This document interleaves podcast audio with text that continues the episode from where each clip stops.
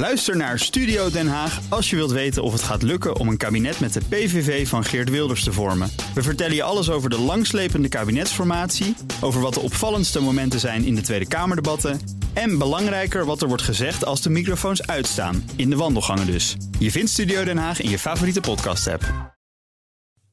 De Friday Move wordt mede mogelijk gemaakt door Arend. Inrichters, we denken graag met u mee. BNR Nieuwsradio. Zet je aan. The Friday Move. Nou, en hier kwam het water dus uh, omhoog. Ja, het water staat ze duidelijk echt aan de lippen. Lekkages, dakgoed overlopen. Toen haalde ik hem zelfs uit de sloor het land op. Daar zei ik, ja... Een mooi fonteintje. Wilfred Gené. Het is de week dat een groot deel van Europa nattigheid voelt. Kiki Bertels stunt op Roland Garros en het net niet haalt de racisme-discussie in Nederland in alle hevigheid weer opleidt. Dit is de Friday Move live vanaf de I3-groep On Air.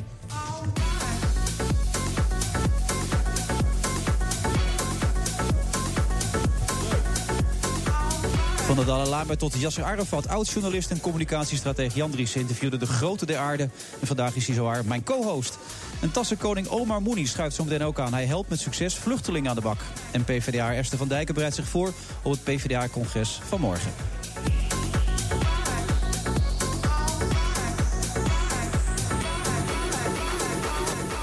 En we zitten vandaag in Bodegraven bij de I3-groep On Air. Een speciaal event hier in Bodegraven met de Friday Move. Kunt daar langskomen, maar dan moet u wel even wat doen, denk ik, om daar langs te kunnen komen. Maar goed, desalniettemin kunt u ook gewoon luisteren hier op de radio. En naast me zit Jan Driessen, voormalig communicatiedirecteur van Egon. Daarna in een enorm zwart gat gevallen, maar gelukkig voor vanmiddag toch nog even... Ja. Aanwezig hier bij deze uitzending. Jan, hoe gaat het met je? Ja, heel goed. Dankjewel.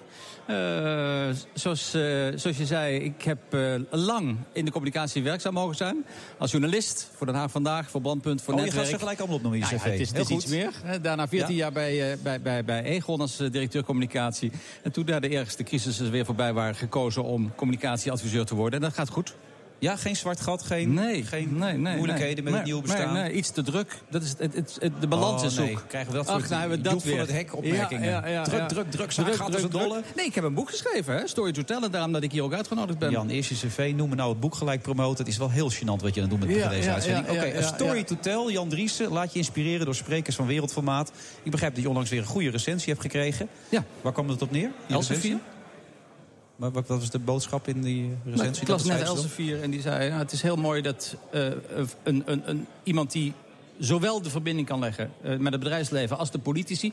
Heel veel managers en topmanagers geven altijd af op politici. Die zeggen, ja, dat, dat, dat, die kunnen toch erg veel van ons leren. Het is omgekeerd, heb ik hier opgeschreven. Ik heb heel veel wereldleiders en sprekers van wereldformaat... echt en daadwerkelijk mogen volgen en mogen interviewen. Gezien hoe ze dat doen, hoe goed ze daarin zijn. Anders worden ze niet gekozen en zeker niet herkozen. En je ziet in deze open en uh, uh, nou, hele interactieve tijd... dat topmanagers en managers opnieuw moeten leren spreken. En daar kunnen ze heel veel van leren van politici. En van jou. En dus van vakmensen zoals jij en ik. Oh, je noemt mij er ook bij. Ja. Oh, dat is je kunt aardig. interviewen. En je weet als je aan de andere kant zit hoe verschrikkelijk lastig dat is om dat te doen. Vind je? Nou, je ziet dat um, topmanagers op dit moment uh, die het zwaar hebben die vroeger op basis van een PowerPoint of een Excel-sheet heel ver konden komen... en die ook vaak de waarheid wel aan hun kant hebben... dat toch heel moeilijk over het voetlicht kunnen krijgen. Ben van Beurden van Shell, die zei, we pompen gewoon door... naar de afspraken in Parijs. En daar heeft hij enorm veel kritiek voor gekregen. En dat is bedrijfsblindheid. Dan ben je een hele goede topmanager, want anders zit je daar niet. Hij weet heus de feiten. Die had hij ook voor zich liggen. Maar dat vertalen naar grote groepen mensen toe...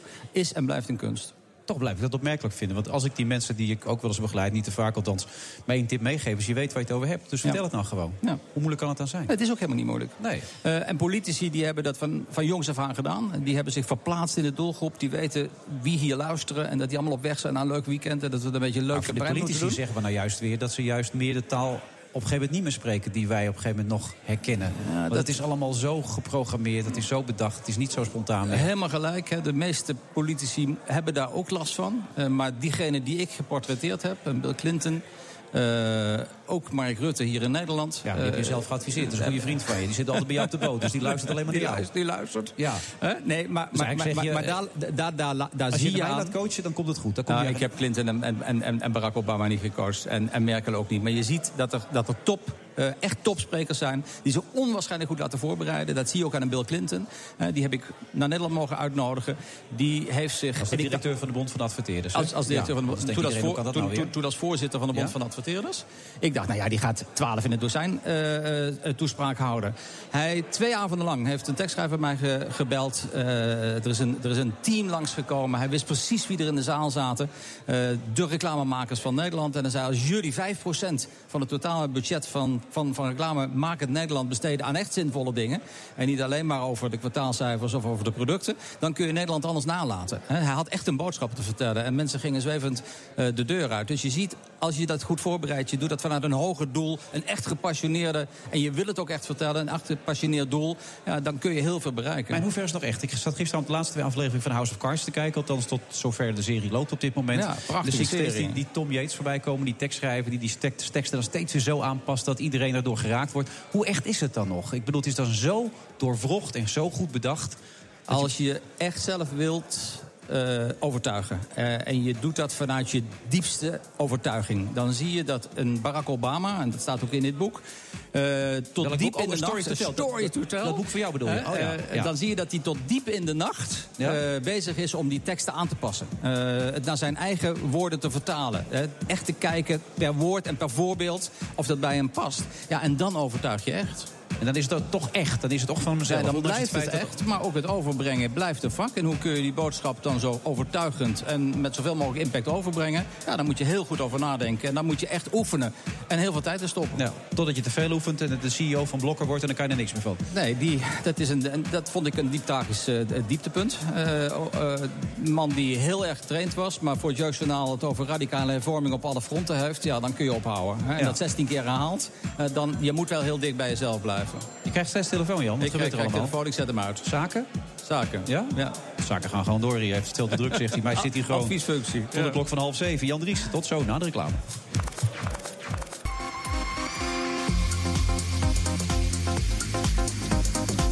Vrijdag van vrijdag 3 juni. We zitten vandaag in Bodegraven bij I3 On Air. eh, speciaal event. En je hoort op de achtergrond ook al die mensen praten. Er zijn zelfs drie mensen die naar ons luisteren. Dat is altijd mooi meegenomen. Ik hoop dat er op de radio ietsje meer zijn. En naast mij zit Jan Driessen. eh, de ene meest ijdele man van Nederland. Want u weet het, uw eigen presentator is natuurlijk de meest ijdele man. Dus daar doen we niet moeilijk over. En inmiddels aangeschoven ondernemer en tassenkoning Omar Moeni. Welkom. Hi. Hi. Ja, ik had een enorm applaus verwacht van die drie mensen. Maar dus, ja, zie je wel. Ja, gelukkig maar. Ik denk ook al, waar gaat dit allemaal over? Omar, hartelijk welkom. Hi. Had je zin in dit interview? Eh, jawel, jawel, zeker. Nou, hè, eerlijk zijn. Ehm, ja, ik heb wel zin, tuurlijk. Ja, maar je vond het een beetje spannend, hoorde ik, toch? Ja, ik vond het wel spannend, want eh, ja, dit is puur ook eh, een beetje passie natuurlijk. Iets wat je terug wil doen en eh, meer niet eigenlijk. Ja, voor de duidelijkheid, je probeert vluchtelingen te helpen... die bij jou kunnen werken twee maanden lang. Niet bij mij, Maar... niet bij mij, bij alle andere werkgevers ook. Mhm. En eh, eigenlijk de vluchteling beter kennis laten maken met Nederland. Niet alleen in klaslokalen, maar ook juist op de werkvloer. Maar bij alle partijen die, waar jij mee werkt, hoe bedoel je dat precies dan? Nee, eh, gewoon alle werkgevers in Nederland, maar ook vooral eh, ambachtelijke werkgevers. Dus als een vluchteling hier binnenkomt en heeft een status, nou dan zeggen wij drie dagen gaan werken en twee dagen de taal en vooral de normen en waarden van Nederland. Maar wel nadat ze de status hebben gekregen. Ja, zeker na, na, nadat ze een status hebben gekregen. Maar wat is jouw rol daar precies in dan, eh, Omar? Sorry? Wat is jouw rol daarin dan precies? Hoe moet ik me dat voorstellen? Eh, nou, ik, ik denk... Ik ben natuurlijk zelf eh, vluchteling geweest. ja, heel lang. Somalië, hè? Negenjarige leeftijd hier Gevlucht vanuit. Ja. Somalië. En eh, ik heb zo mijn eh, bedrijfje eigenlijk eh, mooi opgezet. En dat gaat allemaal prima, dat gaat goed. En dan eh, ja, word je ook langzaam gezien als een, beetje een voorbeeld. Nou, mag je wekelijks ergens spreken. Nou, dan vertel je toch dat je ook gevlucht bent. En je ziet toch dat je heel veel met anderen doet. En ook, ja, als je verhaal over vluchtelingen vertelt... dat het toch belangrijk is dat je dat blijft vertellen. Nou, als ik dan van zo'n podium afkom en dan denk ik... oké, ik heb het verhaal verteld, ik heb iedereen goed kunnen inspireren... maar voor mij was het nog niet genoeg. En ik dacht, ik wil echt, echt iets terug doen. Juist nu, ook omdat het ook goed gaat, dat moet niks uitmaken. En ik heb ervaren om mijn tassen te kunnen verkopen in prachtige winkels... aan mooie mensen. Maar dit is weer een ander soort beleving, wat ook heel goed bij mij voelt. En ja, ik, eh, het is nu een week, actief, de Dutch Tulip. En wauw, de energie die je nu al krijgt is echt onbetaalbaar. Ja, want nogmaals, concreet, hoe ziet jouw rol eruit? Wat doe je allemaal voor ik, mensen? Ik ben, ik ben de ambassadeur voor de Dutch Tulip. Nou, we hebben een mooi team die dit begeleidt en onderhoudt. En ja, ik probeer op mijn manier en met mijn ervaringen ook... een beetje de vluchteling eigenlijk beter uh, kennis te laten maken met Nederland. Ja, nou is het ook een gevoelig onderwerp tegelijkertijd. Is dat ook de reden waarom je het ook wel een beetje spannend vond om ja, over te praten? zeker. Het is zeker een gevoelig onderwerp. Want uh, ik woon hier nu wel twintig jaar, maar ik heb het altijd wel weggestopt. Ik denk dat ik ook dus de dingen die ik nu bereikt heb... ook vooral heb kunnen bereiken omdat ik juist dit stukje weg wilde stoppen... en alleen maar vooruit wilde kijken. En dat heb ik gedaan en ik heb dingen voor elkaar kunnen krijgen. En ik dacht, ik, het komt nooit meer terug. Maar het is zo actueel nu. En ik heb het ook, ik heb het ook ja, eigenlijk weggehouden met het idee van...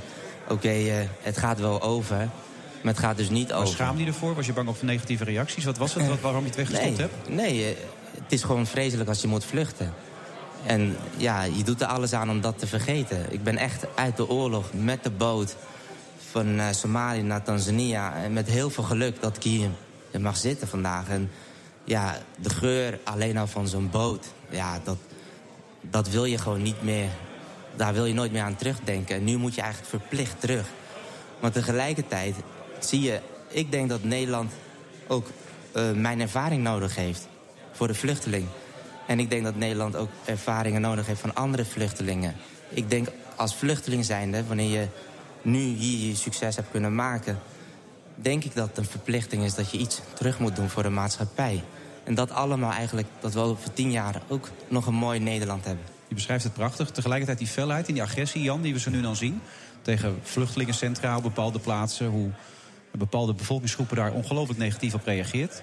Nou, Omar is een uh, echt fantastisch voorbeeld. Ik las vorige week ook een verhaal over je in de krant. Je bent een beste werkgever, hè? Je bent succesvoller dan de overheid, werd er gezegd. Wat, wat, wat maakt jou nou zo succesvol en, en, en, en de overheid dan minder succesvol? Waarom, waarom slaag je er wel in om vluchtelingen daadwerkelijk aan het werk te krijgen? Nou, ik denk als ondernemer moet je een beetje kunnen doorzetten. En dat heb ik ook gedaan in mijn bedrijf. Hiermee word ik wakker.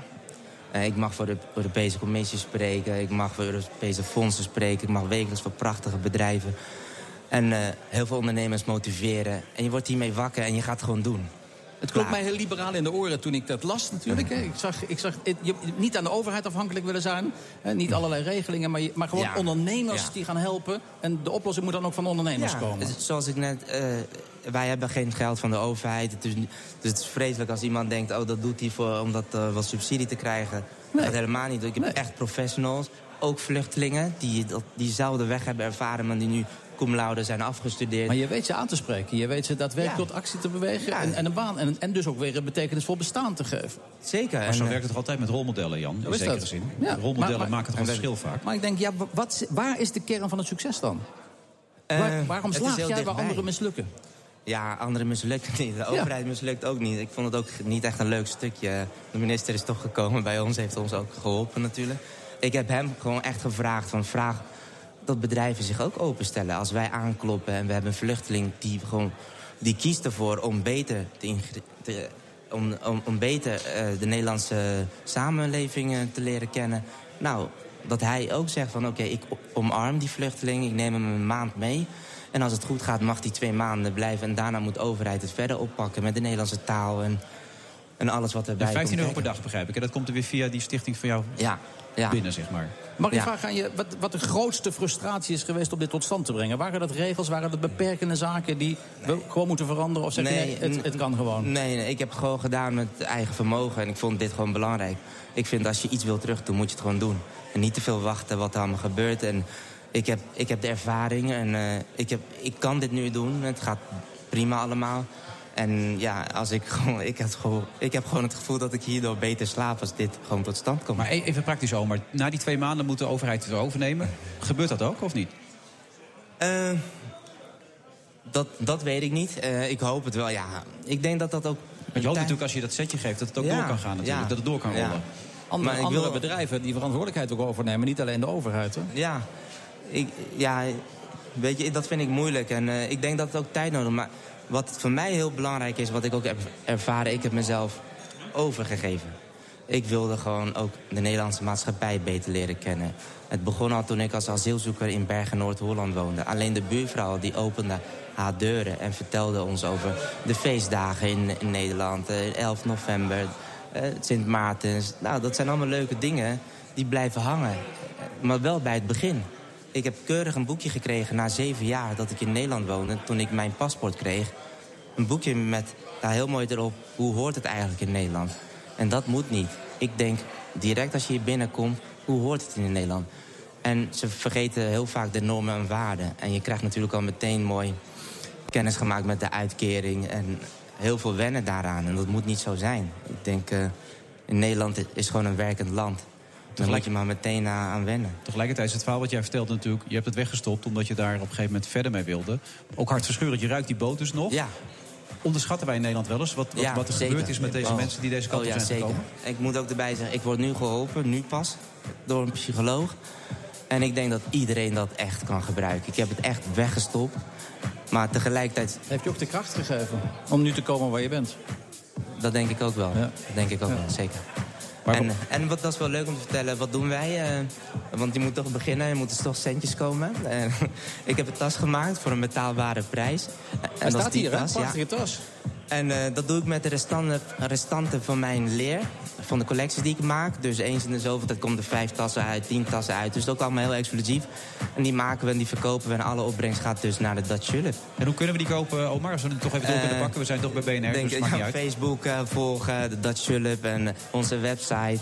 En ik zou het ook te gek vinden als andere bedrijven zich ook kunnen openstellen van... hé, wij willen ook helpen. Want ik, het, het geeft echt energie als het vanuit de samenleving komt. Ja, van al die negativiteit die er zo nu en dan is... kunnen we beter aan de andere Geen- kant gaan zitten en proberen elkaar te helpen. Geen negativiteit. En, eh, Trots maken dat het We moeten allemaal willen dat Nederland over tien jaar nog mooier is dan nu. Wat, wat mag ik hoorde dat de duurste tas deze week verkocht is voor 267.000 euro. Eh, wa- wat moet deze kosten? 100 euro is goed hoor. Ja, daar doe je het voor? Jan, is het voor jou niet? Verkocht. Jan heeft hem gekocht deze. Ja, mooi. Voor de stichting Tulip, Dutch Tulip. Hartstikke belangrijk Heel natuurlijk. goed. Compliment. Dankjewel, dankjewel. Omar, bedankt. Het gaat gedaan. goed verder ook, hè? Met al die andere zaken enzovoort. Ja, maar zeker, zeker. Ik mag gaan niet, niet klagen. Het gaat Nee. goed. Heel leuk. Heel goed. Ga zo door. Dankjewel. Bedankt ervoor. Oma Moody, ondernemer en tassenkoning. Dat klinkt toch wel, hè? Tassenkoning. Ja, applausje waard hier. We gaan zo meteen verder na de reclame. Tot zo. BNR Nieuwsradio. Zet je aan. The Friday Move. Nou, en hier kwam het water dus eh, omhoog. Ja, het water staat ze duidelijk echt aan de lippen. Lekkages, dakgoot overlopen. Toen haalde ik hem zelfs uit de sloor het land op. Daar zei ik, ja, Een mooi fonteintje. Wilfred Gené. KNLTB-directeur Erik Poel, weer vrouw Nicolien Kroon... en buitenlandcommentator Paul Beels zijn straks nog de gast in deze uitzending van de Friday Move. En hij zit op de klok van half zeven. Jan Driessen.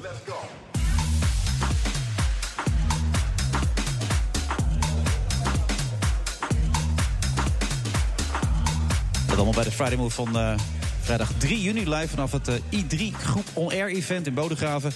met de beats van DJ Thomas Robson.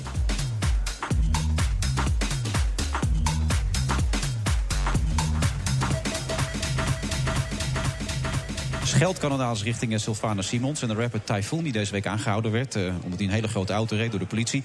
Dan blijft die vraag natuurlijk, is het Nederland nou racistisch of niet? Jan Driessen, is Nederland racistisch? Nee, ik denk het niet. Ik denk dat we, zeker als we dat vergelijken met heel veel andere landen... eh, kunnen zeggen dat wij buitengewoon secuur daarmee bezig zijn en ermee omgaan. Als je kijkt naar de politie, als je kijkt naar de ministeries... de diversiteit die daar wordt nageleefd... dan kan er natuurlijk wel eens een keer iets misgaan. Maar om in zijn algemeenheid te zeggen eh, dat wij in Nederland racistisch zijn... eh, ik heb daar geen aanwijzingen voor. Naast je zit Ratja Velgata, ik hoop dat ik het zo uitspreek goed, eh Ratja. Jazeker. Hoofdredacteur van de kleurrijke Top 100. Is Nederland racistisch? Ja, aan het worden. En steeds meer, helaas. En dat blijkt uit dit soort incidenten, zoals we het nu over spreken? Of? Ja, en ik vind ook wel dat de argumenten die gebruikt worden om dat te bagatelliseren, vind ik ook wel weer makkelijke retoriek.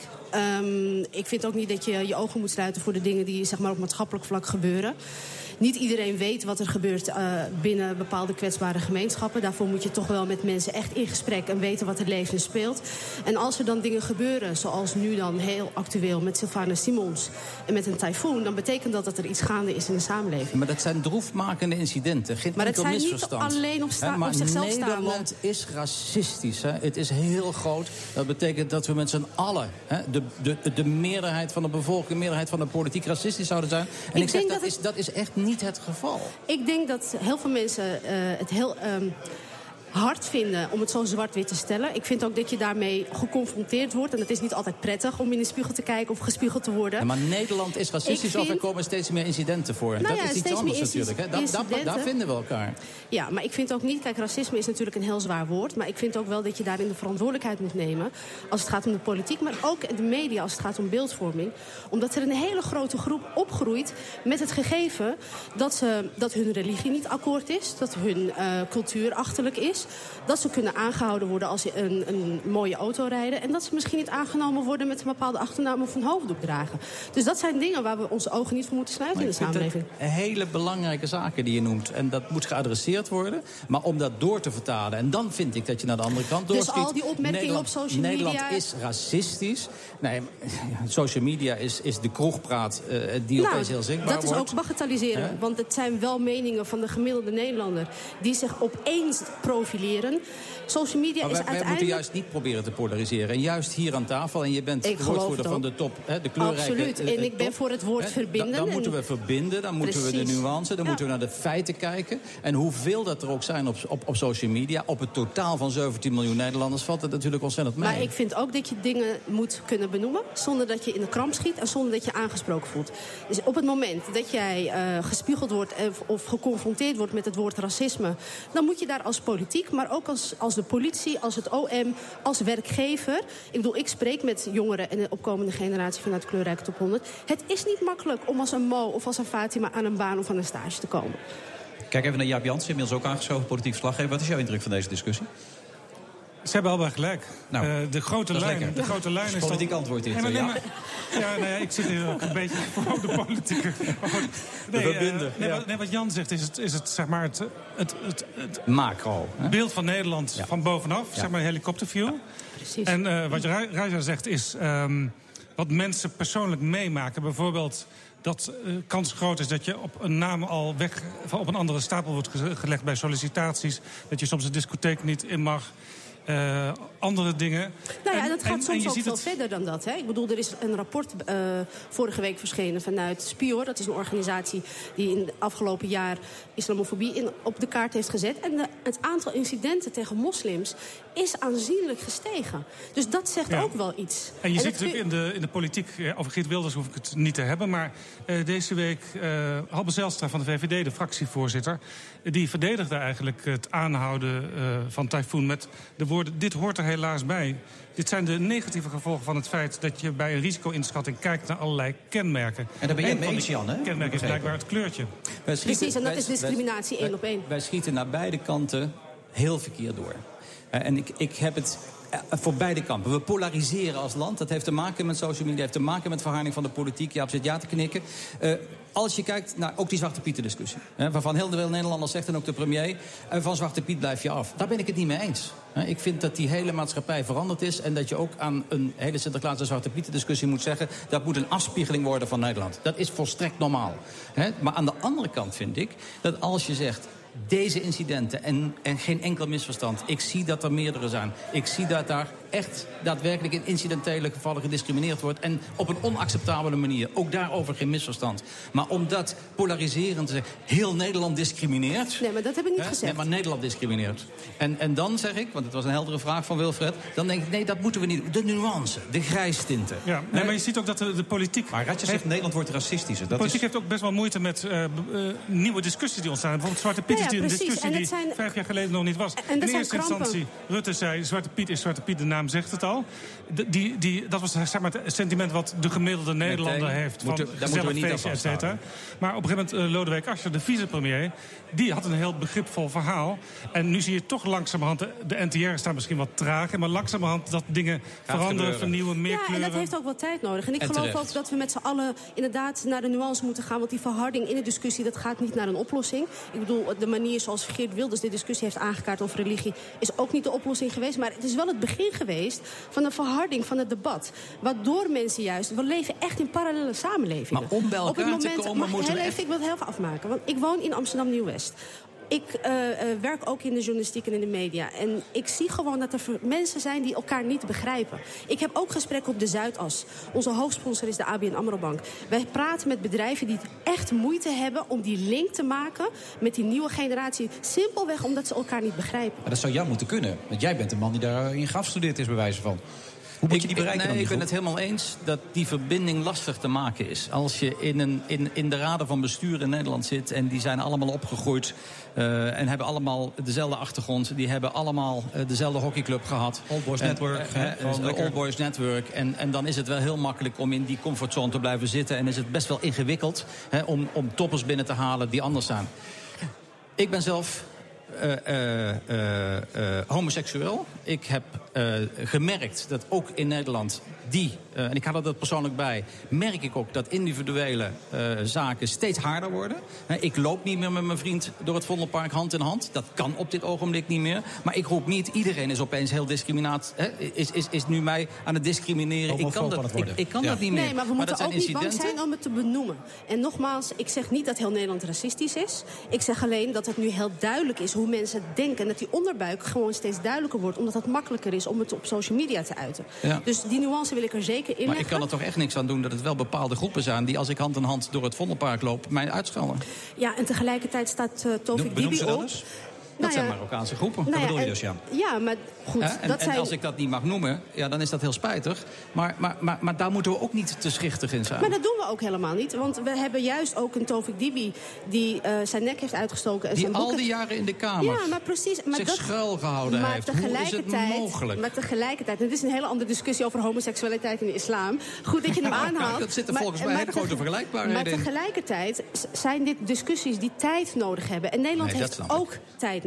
Ja. We leven met z'n allen in één land. We moeten het met z'n allen doen. En als het goed is, vinden we elkaar allemaal aardig. Maar laten we elkaar ehm, in, in waarde laten. En elkaar iets meer respecteren. Want op het maar moment ik dat ik jou toch nog afdoe... steeds... Arantje, gaat het nu over verharding of gaat het nou over racisme? Waar gaat het nou precies over? Nou, het is inherent aan elkaar. Maar als jij nou kijkt naar de hele wereld... en je ziet Nederland en je vergelijkt het met andere landen... Nou ja, de opkomst is van dan- Trump dan- zegt ook wel wat. Precies, dan is Nederland toch nog steeds een voorbeeldland, een trotsmakend land voor waar we elkaar kunnen vinden. Ik ben zeker waarbij trots. we met, met poli- politici te maken hebben die daar begrip voor hebben. Dat we met een politieinstituut te maken hebben die diversiteit met hoofdletters schrijft. En daar moeten we toch ook trots op kunnen zijn. En dat zijn we ook. En ik, ik ben ook echt een optimist hoor. En daarom maken we ook echt de kleurrijke top 100 elk jaar met heel veel plezier. Zijn we het helemaal eens. En dan geef ik u een hand. Ja, dat is hartstikke lief allebei. Maar je- jij hebt nog steeds gezegd dat Nederland racistisch is. Jij hebt het niet gezegd. Dus de vraag is natuurlijk nog steeds, waar staan we met z'n allen? Dat is natuurlijk wel de Ja, ik denk dat we gewoon open met elkaar het debat moeten aangaan. En dat we niet bang moeten zijn Ja, om maar dat is elkaar een politieke opmerking, daar kunnen we niks mee. Je? Ja, Ik dus vind- ik vind- debat, dat moeten we doen. Ja, maar, dat ik weten vind we ook, maar dat dat doen we vaak veel niet. meer beg- begrip moet zijn voor elkaars wereld.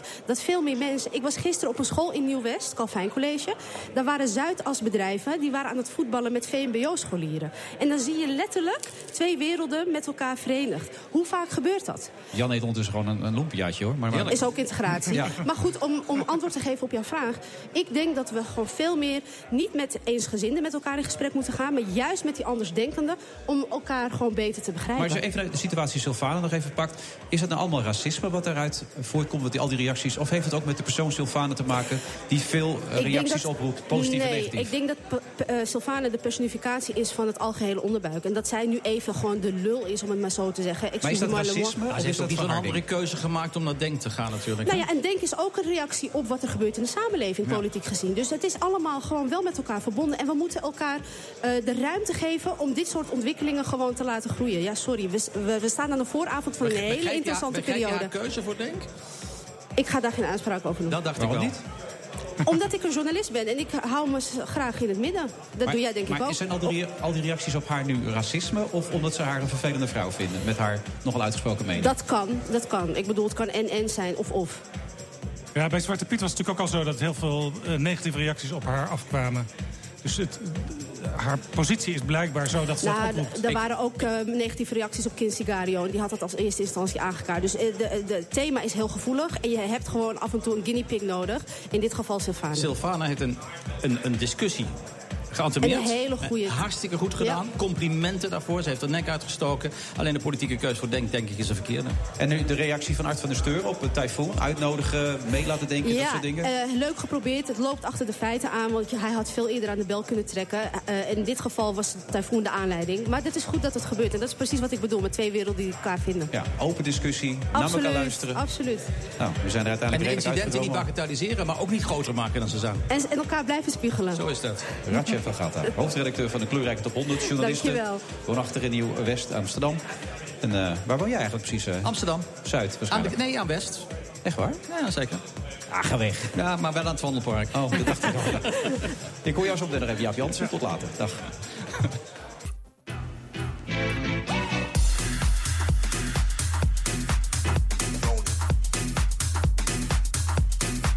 U luistert naar de Friday Move uh, van vrijdag 3 juni. We zitten in Bodegraven bij een speciaal event van uh, i3. Of i3 moet ik eigenlijk zeggen, on air. En, en, naast me zit nog steeds Jan Driessen, die stevig in discussie ging zojuist. Uh, maar Jan is ook van de andere kant weer een hele rustige, gelukkige man. Ook in de liefde nog steeds, ondanks het feit dat je geen handen meer kan vasthouden al, en zo. Al 30 jaar. 30 jaar? Zeker. Met dezelfde Met man? Hugo, ja. Ja, het komt voor. Nou, dat is ook een hele niet. leuke man. Ja? Ja, ja, ja. ja. En je ja. kijkt nooit naar andere mannen? Ja, wel zeker. Ik, heb, ik zit nou naar jou te kijken. Ja? Ook een knappe man. Maar nee, echt waar. En nu zit Pim CD zit hier naast me. De leukste en de knapste verslaggever die nou, we hebben. Nou, nou, nou, nou, wat vrij en schitterend. Dankjewel, ja. Nou ja, in de aankondiging hier naartoe heeft hij al gesproken met de redactie, Pim. En hij heeft inderdaad echt alleen maar hele leuke dingen over jou gezegd. Ja, ik word er bijna een beetje verlegen van. Waarom ben je zo fan van uh, Pim, uh, Jan? Pim heeft een, uh, een, een, eigen manier van reportages maken. Met een knipoog, zichzelf relativerend, op een leuke manier, onderscheidend van de rest. Je hebt heel veel reportages en verslaggevers die kun je inwisselen. Maar bij jullie beiden is dat niet het geval. En dan slijp ik niet mee, maar dat is echt het geval. Ik heb het ook van tevoren gezegd, Pim, je doet het geweldig. Nou, is goed om te horen, dankjewel. Maar wat is zo onderscheidend aan Pim? Dan noem eens iets dan. Nou, om over jezelf iets te zeggen is natuurlijk hartstikke moeilijk, hè? Of is dat niet zo? Weet ik niet. niet. Zou je makkelijk kunnen zeggen wat onderscheidend is aan jouw manier ja, van uh, presenteren? Ongelooflijk irritant. En dat vinden heel veel mensen heel vervelend. En sommige mensen kunnen het enorm waarderen.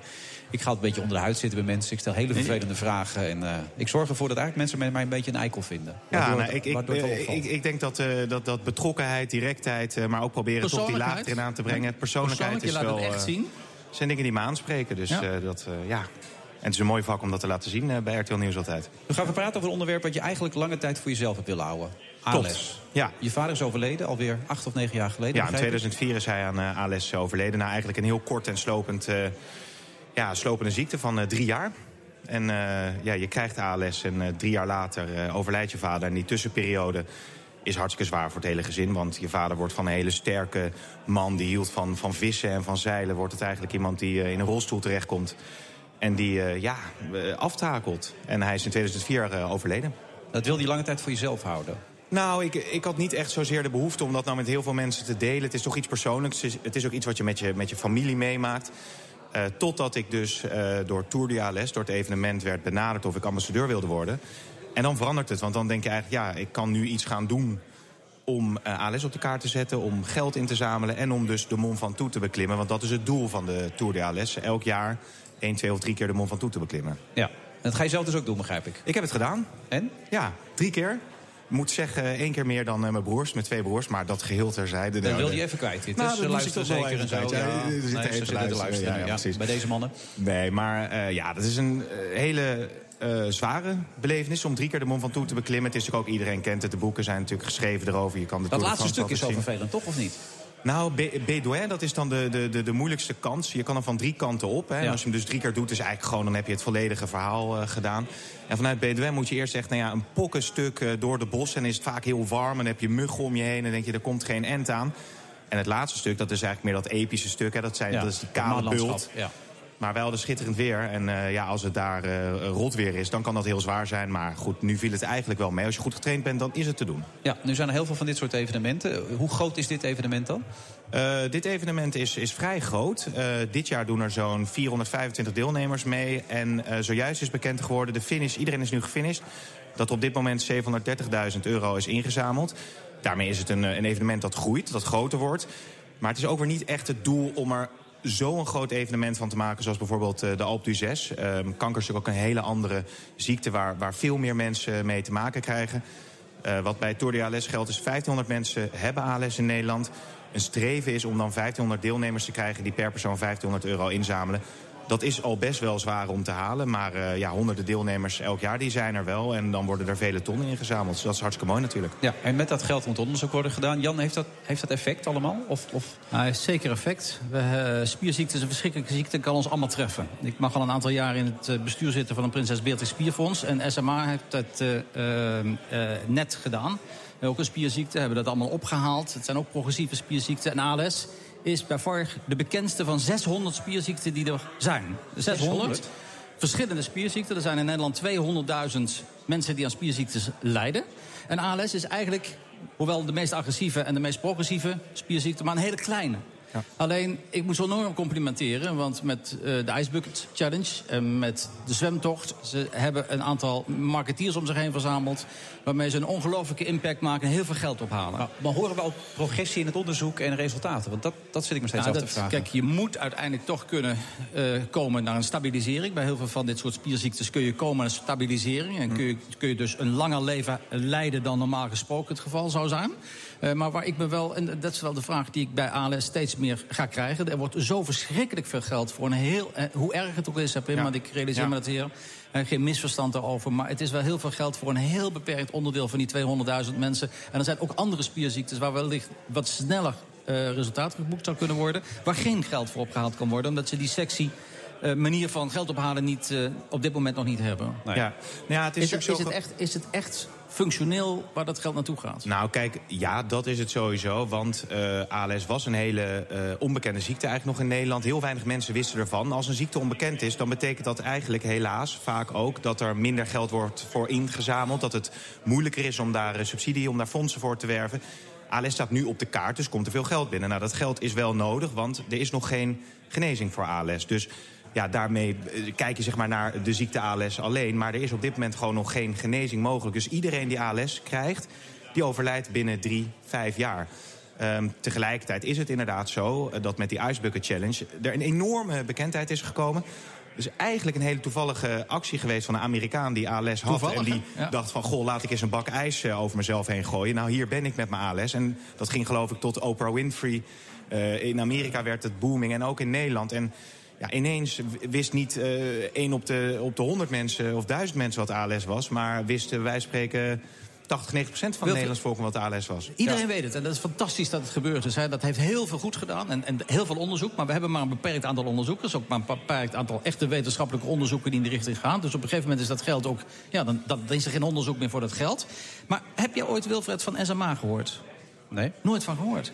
Toch, in Nederland uh, hebben, we, hebben we meer uh, patiënten die aan SMA ook een progressieve spierziekte lijden. We hebben net geprobeerd ook daar geld voor bij elkaar te krijgen. Onderzoek uh, in die richting te antemeren. En die hebben dan met, met, met heel veel moeite 50.000 euro bij elkaar gekregen. Hè? Ja. Dus, dus het zou zo goed zijn, denk ik, om ook hier... we hebben het net al over verbinding gehad... de zaken te verbinden en te zeggen... zoals bij kanker, je hebt kankeronderzoek... maar je hebt niet allerlei deelonderzoeken. Hè? Zou je niet... Zou je niet ik snap dat dat. Nou, je hebt dat bijvoorbeeld wel. Spieren voor Spieren. Dat is weer, spieren. Weer, weer, een organisatie die dan het geld verdeelt over verschillende spierziekten. Uh, enerzijds is dat natuurlijk een, een, een mooi streven. Tegelijkertijd zijn het ook weer verschillende ziekten met verschillende onderzoeken, met verschillende behandeltrajecten. Um, en zou je eigenlijk willen dat voor elke ziektebeeld er veel geld kan worden ingezameld. Zo'n actie wordt gedaan, maar ja. Het is, het is misschien een heel mooi streven, maar, maar of het haalbaar is, weet ik niet. spierziektes, dat is toch niet te doen dan nee, uiteindelijk? dan, dan, dan krijg je dus ziektes 600 ja. verschillende, Duchenne. En, dan, wie, wie, wie, heeft er ooit van gehoord? Moeten we dat dan ook daar weer speciaal voor doen? Maar wat je eigenlijk zou kunnen zeggen, het geld wat overblijft bij zo'n actie... dat dat doorgeschoven kan worden naar andere Zou je niet spieren. kijken waar dat het meest effectief is? Ja, maar het is, dat is denk ik het hele punt. Geld over, dat is er eigenlijk nooit. Want er is op dit moment gewoon nog geen genezing mogelijk. Dus blijft er onderzoek lopen. Dat zijn vaak... Jan probeert duidelijk te maken dat op een gegeven moment alle onderzoekers aan het werk zijn... die er maar voor voor het geld ingehuurd zijn. Dat, dat kan niet meer. Ja, nee, maar goed, maar als, zolang de oplossing er nog niet is, is er meer onderzoek nodig. Dat is het hele punt. Ze hebben nu geloof ik, ja, ze hebben onderzoek over de laatste 20, Ja. 30 jaar... waarbij ze genetisch bekijken of ze iets kunnen vinden wat er afwijkt. Ja, dat zijn gewoon hele kostbare onderzoeken. En ALS doet het geweldig. En ik zwem ook mee in de gracht daarvoor. maar Dus ik zou heel graag mooi. willen dat, dat ook voor andere spierziekten... of andere ziekten er ook gewoon eh, veel geld beschikbaar komt. Nee, dat eh, is duidelijk. Ja, lijkt me ook. En waarom hebben die broers van jou het met twee keer gehaald? Waar lag dat aan? Ja, een, stuk, een stukje... Nee, misschien... eh, ja, hoe zou ik dat moeten zeggen? Mentaliteit slapjanus Ja, ze waren al lang blij dat ze boven waren geweest... en dat eh, biertje konden drinken of dat wijntje weer in het dal daarna. Ah, Oké. Mannen bij Maar ik deze. ben wel trots op ze, hoor. Meegeluisterd. Pim, succes met de, op naar de 1500. Dat is eigenlijk de bedoeling hè, voor die tour voor de komende Dat jaren. zou heel mooi zijn als dat lukt. Ja, zeker. En we Ja. verheugen ons weer op de volgende items van je. Gaan we best doen. Persoonlijkheid, ja, onderscheidend. Heel belangrijk natuurlijk allemaal. Pim CD. We gaan zo meteen na de reclame verder. Onder andere met Jan Driessen. Ook persoonlijkheid, onderscheidend enzovoort. Oh, ijdel. Maar dat mag ik niet meer zeggen. De Friday Move wordt mede mogelijk gemaakt door Arend. Inrichters, we denken graag met u mee. BNR Nieuwsradio. Zet je aan. The Friday Move. Het enige wat we weten is dat Kiki verschrikkelijk goed speelt op het ogenblik. En niet een onschuldig iemand de hele tijd staande houdt... omdat hij toevallig een goede auto heeft. En we gaan eh, eh, alle daders opsporen. Wilfred Gené. Friday Move live vanaf de I3 Groep On Air event in Bodegraven... met de beats van DJ Thomas Robson.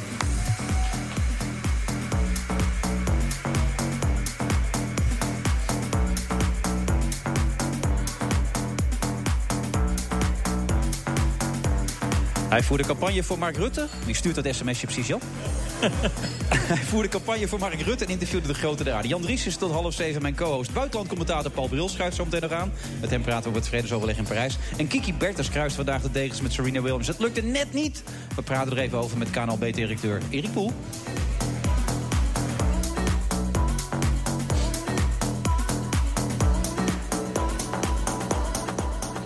Vrijdag 3 juni, we zitten hier dus bij de I3-groep On Air. Speciaal event in Bodegraaf, moet ik echt zeggen. Prachtige organisatie, een prachtig pand hier ook. We zitten in het fort Wierikkerschans.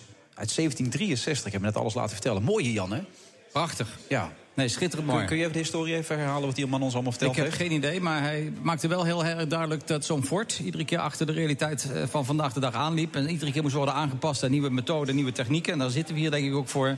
Probeer voorop te lopen, vooruit te kijken en te anticiperen. Ja. Eh, hoe groot is dat, die klantenbestand voor jou, wil ik zeggen, maar je bekende bestand in jouw telefoon? Want eh, er komen steeds sms'jes en berichtjes binnen. 9000. 9000. En er zitten, de grote der Nederlanders zitten ertussen allemaal. Er zitten veel bekende Nederlanders tussen. Wilfred Gené zit ertussen. Hoe vaak communiceer je met Mark Rutte bijvoorbeeld? Niet eh, heel erg vaak, een paar keer.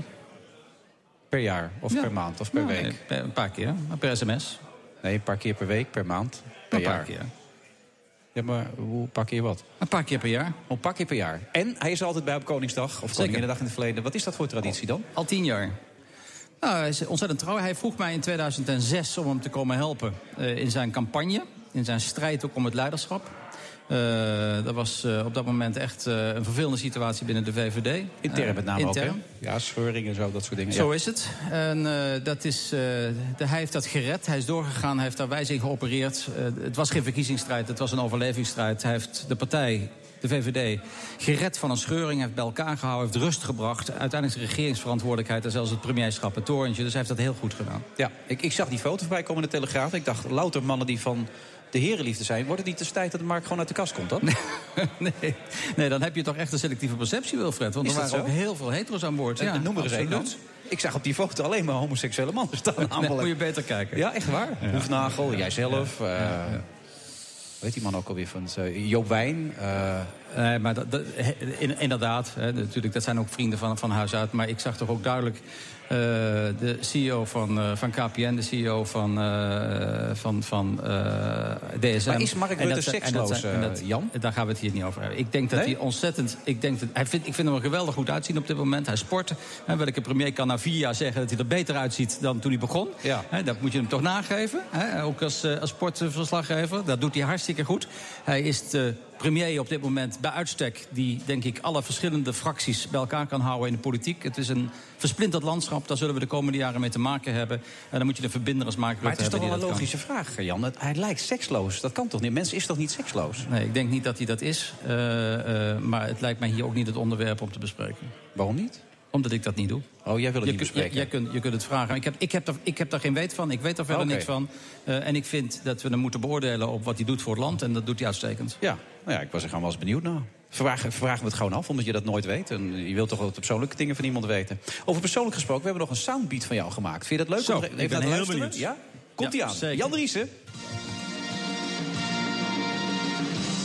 Dag dames en heren, goedenavond. Welkom bij Brandpunt. In de studio in Rome zit verslaggever Jan Driessen. Ik ben zelf journalist geweest en weet hoe het spel heel erg goed werkt. Eh, je, je wilt dat het een crisis is en is het wel eens of niet is. Is het zwart of is het rood? Hè? Het is natuurlijk met pijn in het hart dat ik hier sta. Eh, het is ook niet niks. Het is bijna onvoorstelbaar. Het schaatsen zonder Egon of Egon zonder het schaatsen. Bedoel je, ben je er voor of ben je er tegen? Eh, de klap is hier ook hard aangekomen bij Egon. Eh, natuurlijk, eh, het schaatsen was van ons allemaal. Wat je ook ziet bij Mark Rutte is dat hij als leider staat voor zijn mensen. Hij steunt ze tot het tegendeel bewezen is. We hebben meer dan 30 jaar verbondenheid met het schaatsen. We hebben hele generaties hebben we aan de top gebracht. Hoe is dat om jezelf er even bij te horen komen op deze manier? Ja, het zijn emotionele momenten die ik zo terug eh, hoor. Het waren echt eh, prachtige jaren die ik mocht beleven. eh, heel dicht bij topsporters. Jij spreekt er altijd over. Ik mocht twaalf jaar lang eh, de toppers in het schaatsen heel, van heel nabij meemaken. Ja.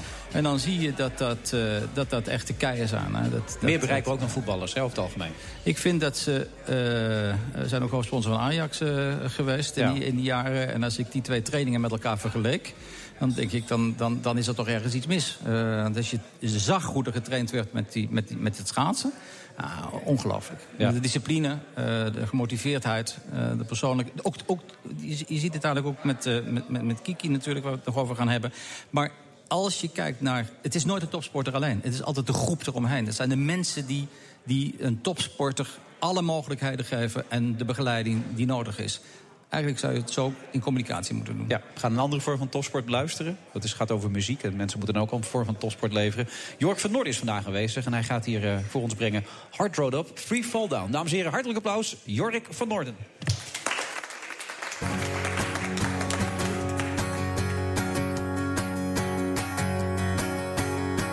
You and I were climbing up the ladder to that mansion on the hill. All of the time, never realizing you must first learn how to kill.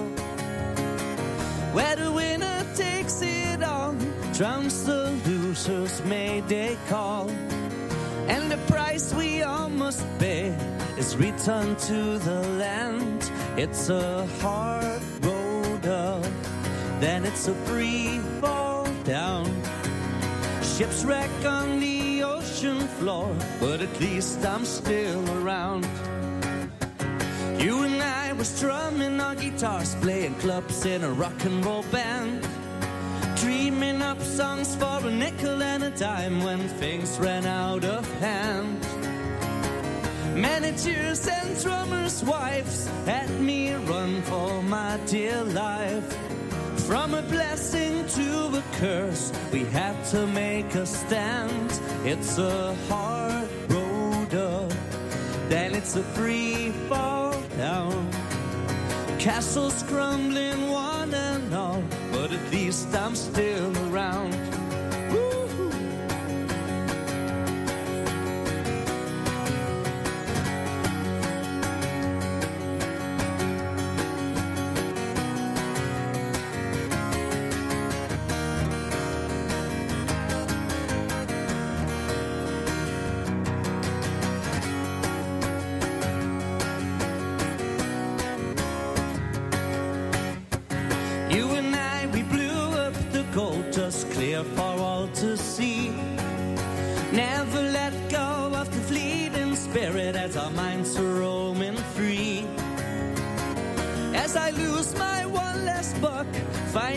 Stranded on my luck. No danger in the way you fall, it's in the way you land. Oh, hard road up, then it's a free fall down. Ships wreck on the ocean floor, but at least I'm still around. It's a hard road up, then it's a free fall down. I'm evolution's miracle, but at least I'm still around. Jorik, even voor de luisteraars, waar sta je de komende tijd? Uh, op, op, heel veel plekken. We hebben gisteren de clubtour afgesloten ter promotie van mijn album Happy Hunting. Ja, maar daar kunnen we niet meer naartoe, Jorik. daar kunnen we niet meer nee, naartoe. dat gaat niet lukken. Maar deze hele zomer sta ik op de parade met een voorstelling over. Sinatra. Dus heel wat anders dan wat ik doe. Sinatra? Ja, over Frank Jij? Sinatra. Ja, ja, over een, Een klein stukje. Ja, het is een verloren album van hem. En dat heet Watertown. En dat is echt een, een prachtig album. Het is een beetje de pet sounds van Frank Sinatra. Maar zet, even, zet hem even in hier. Old Watertown. Nou ja. Weet je wel, dat is echt dat, dat Geweldig, ben En- er. En, dat is heel Ja, mooi. Dus eh, ik kom langs alle vier de steden. En ik ga met mijn eigen band in het Ziggo Dome de aftershow van Neil Young doen. Nou, Ja, dat dames en heren. leuk, Applaus, ja. Dankjewel. Dat is niet verkeerd natuurlijk allemaal. Maar eerst gaan we naar de parade toe. Dat wil ik even meemaken. Ik was trouwens van de week in Marbella. Daar stond een man die kwam uit Vegas. Die deed ook Sinatra daar. was echt geweldig. Iedereen liep weg, maar ik ben blijven zitten. We gaan zo meteen verder. Onder andere met Jan Driessen. Tot zo.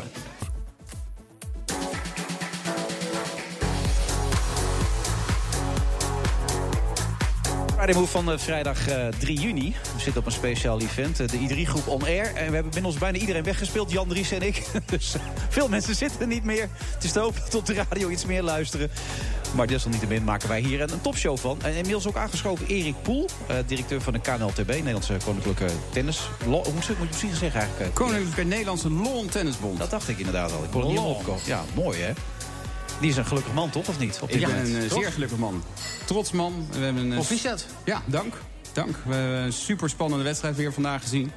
Het zat er Nou, helaas net ik, niet ik in, hoor jou maar- proficiat zeggen, maar eh, wij moeten niet te snel tevreden zijn nu, Jan. hè? Ja, maar hier met deze tweede plek mag je toch wel heel, Nou ja, heel, heel, tweede. heel, erg blij zijn. Het is uniek toch ook? Dit is uniek, absoluut. Nee, Absoluut. het is wereldprestatie. keer eerder gebeurd, hè, maar dit een heb ik nog wel... Zes keer eerder gebeurd met een Nederlander, toch? In, In de halve kwartfinale, finale. maar niet in de halve finale. Nee, er was één, eh, één voor Eén, haar. Dus eh, ze was de tweede en dat is 45 jaar geleden. Dus ja, dit is wel een eh, prestatie van formaat. Ja, dus één keer in 1931 of zo is een dame geweest die het gewonnen heeft, toch? Of niet? dat zag ik van de week ergens voorbij komen. Maar dat, dat weet zou kunnen, maar dat was voor, voor, voor ons tijd, zeg maar. Ja, nee, zeker. Want Maar, maar bijzonder, hè? Echt heel lang Zeer geleden. bijzonder. Heel bijzonder. Mag, mag echt heel erg trots zijn op haarzelf. Ja, dat mag ze. Ja, ze kwam van ver. Ja. En, eh, ze heeft Wat, voor- wat, hoe ver kwam ze? Hè? Want wat, beschrijf het even voor de mensen die het niet weten. Ja, ze heeft, eh, ze heeft twee jaar geleden een hele zware enkeloperatie ondergaan. Nou, daar is ze goed van hersteld. En toen vorig jaar toen was er een eh, tumor bij haar eh, geconstateerd... die na de hand goedaardig eh, bleek. Maar eh, daar is ze lang in het ongewisse voor over gebleven. Dus dat heeft haar jaar enorm beïnvloed. Ehm, en eigenlijk is ze daarna, de, het goede nieuws kwam, eh, kwam ergens in het eind van vorig jaar...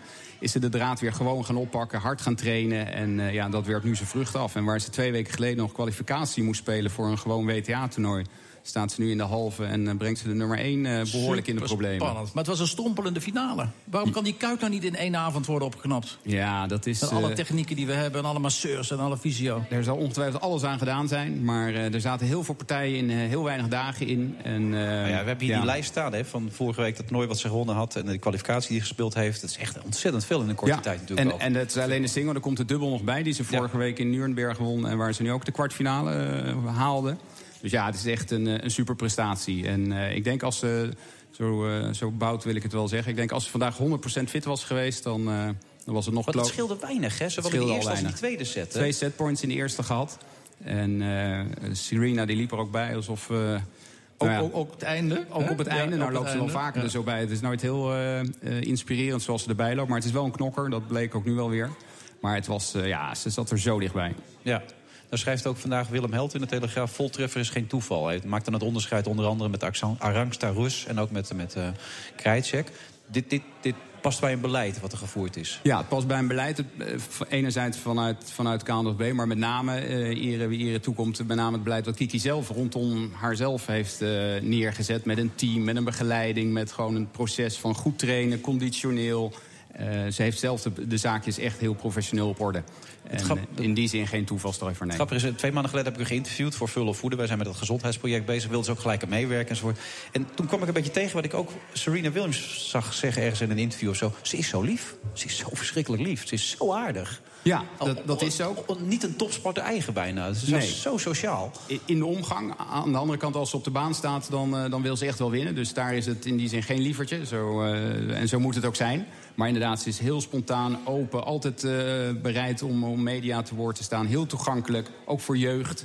Dus uh, nee, super ambassadrice voor ons. Nou gaat ze heel veel geld verdienen. Ze heeft veel geld verdiend, meer dan een half miljoen, zeg ik ergens staan. Toch ligt daar ook de crux hè, voor het Nederlands tennis, hè? geld. Ja, en niet alleen voor het Nederlands tennis, voor tennis in het algemeen. Tennis is uh, in Nederland de tweede sport, maar ook mondiaal natuurlijk een hele grote sport. En uh, het rare feit wil dat slechts die eerste 120, 130 mensen op de wereldranglijst ervan rond kunnen komen.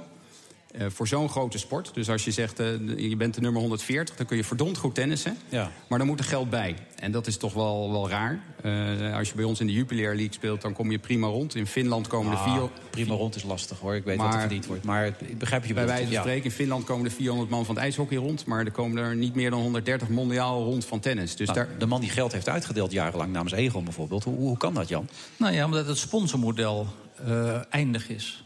Uh, de ouderwetse manier van het verbinden van je merk aan een topsporter of aan een bond of aan een, aan een club. Uh, daarvan uh, is de werking aan het afnemen. He, dus ja, het geeft nog steeds naamsbekendheid. Het, het, het heeft ook bepaalde waarden. Want je, je kunt aan hospitality, je kunt relatiemarketing doen. Maar het heeft geen impact meer op de verkoop. Het heeft geen impact meer op... He, want je kunt geen reputatie meer kopen door een sticker op Sven Kramer... of daar de Kiki Bertels te plakken. He. Dat, dat, dat, en dat komt trouwens sowieso al, al heel lastig met tennissen. Maar je had daarachter, en ook Egon in de UK heeft het gedaan natuurlijk... Uh, heel veel, heel veel logoposities. Het wordt ook door dat de klant, maar ook naar de relaties, de toezichthouders... daar iedere keer naar anders gaan kijken. Op het laatst kon ik ook voor het toestel... Hè. Ik bedoel, we hadden tickets voor in het toestel van Ajax mee. Geen ja. relaties meer krijgen die mee mochten of mee wilden. Dus dan moet je je voorstellen, zelfs daar liep dat eruit. Dus je moet naar nieuwe samenwerkingsverbanden. Je moet naar sponsoring die de hele omgeving... alle fans van het schaatsen, van Kiki...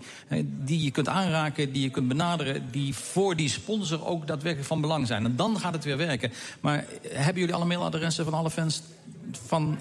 Van de tennis? Grotendeels. Nee, dat, dat is miljoenen, zich... miljoenen, miljoenen mails? Voor, nou, niet zoveel, maar wel iedereen die ooit een Davis Cup en dat soort zaken, Fed Cup, heeft bezocht. Dus de, de, het op zich het databestand is er. Dan loop je voor op de KNSB. Maar, dat, ja. maar, dat, maar, maar, daar zit de daar toekomst. Zit een, een crux. De toekomst ja. zit hem in data, in het kunnen activeren van hele grote groepen fans.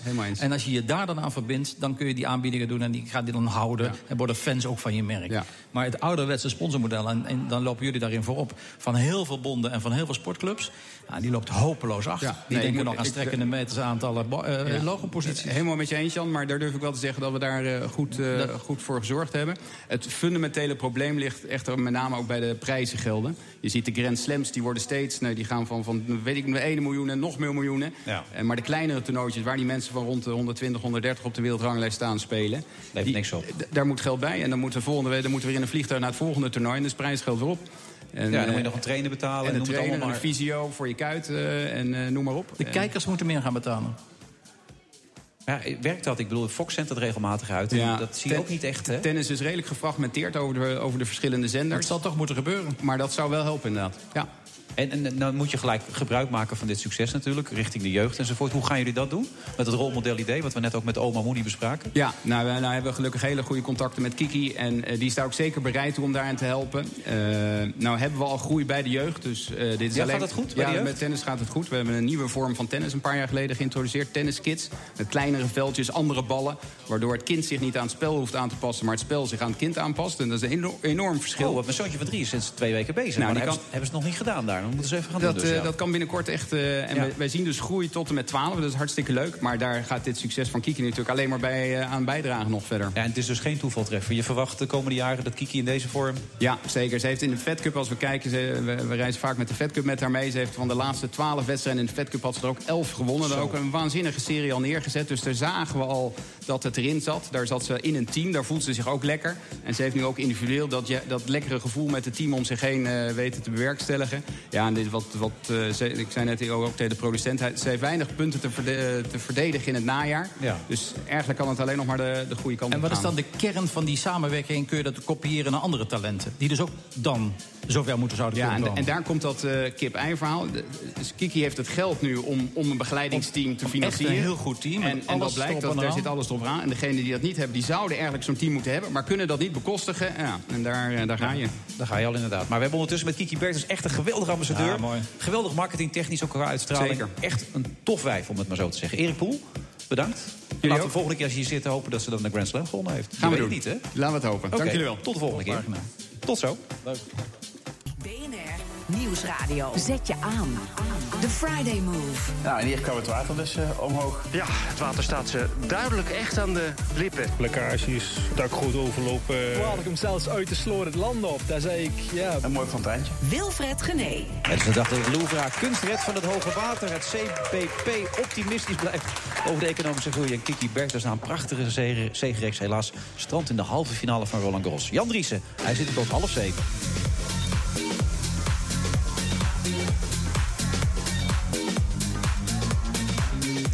Friday Move live vanaf de I3-groep On Air Event. Hier in Bodegraven. Prachtige omgeving, moet ik eerlijk bij zeggen. Oud Fort, moet u zeker een keer langs gaan. En aan tafel inmiddels aangeschoven Paul Bril.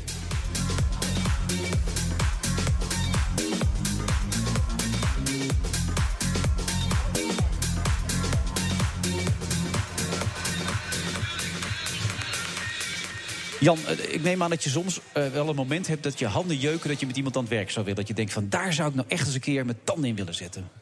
Ja, ik bedoel dan om mee te werken. Hè? Ik bedoel, wie heb je dan bijvoorbeeld in je hoofd? Nou, ik, ik, een van diegenen die mij wereldwijd nu het meest inspireert is Elon Musk. Een man die um, zich oprecht zorgen maakt over de toekomst van de aarde. Die uh, weet van zichzelf dat hij geniaal is in techniek. Hij heeft Tesla, is die begonnen. Hij heeft nu SpaceX. Hij, hij stuurt raketten de wereld uh, uh, over. Um, en haalt die ook weer terug. Een, visionair iemand die weet dat hij in communicatie heel slecht is. Uh, en dat weet hij ook zelf. Dat weet hij ook en dat geeft hij ook toe.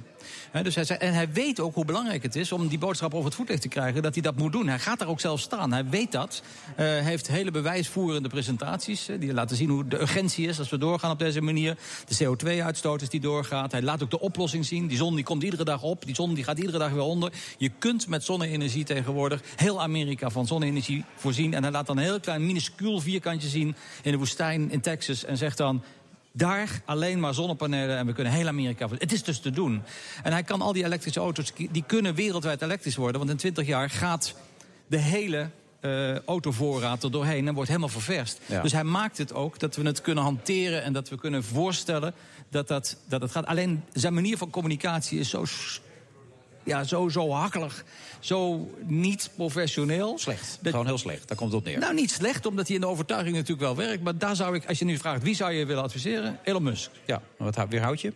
Nou, ik denk niet dat ik als ik een mailtje stuur dat ik daar nou maar over... je moet geloven in alles. Absoluut. Nee, ik kan een mail sturen. Ik heb in ieder geval sms'en. Zullen we doen? Ja, zullen we deze afgesproken? Ja, Elon Musk. En je hebt genoeg van de wereld gezien, de grootheden gesproken. Je hebt Arafat ook wel eens gesproken, toch? Zeker.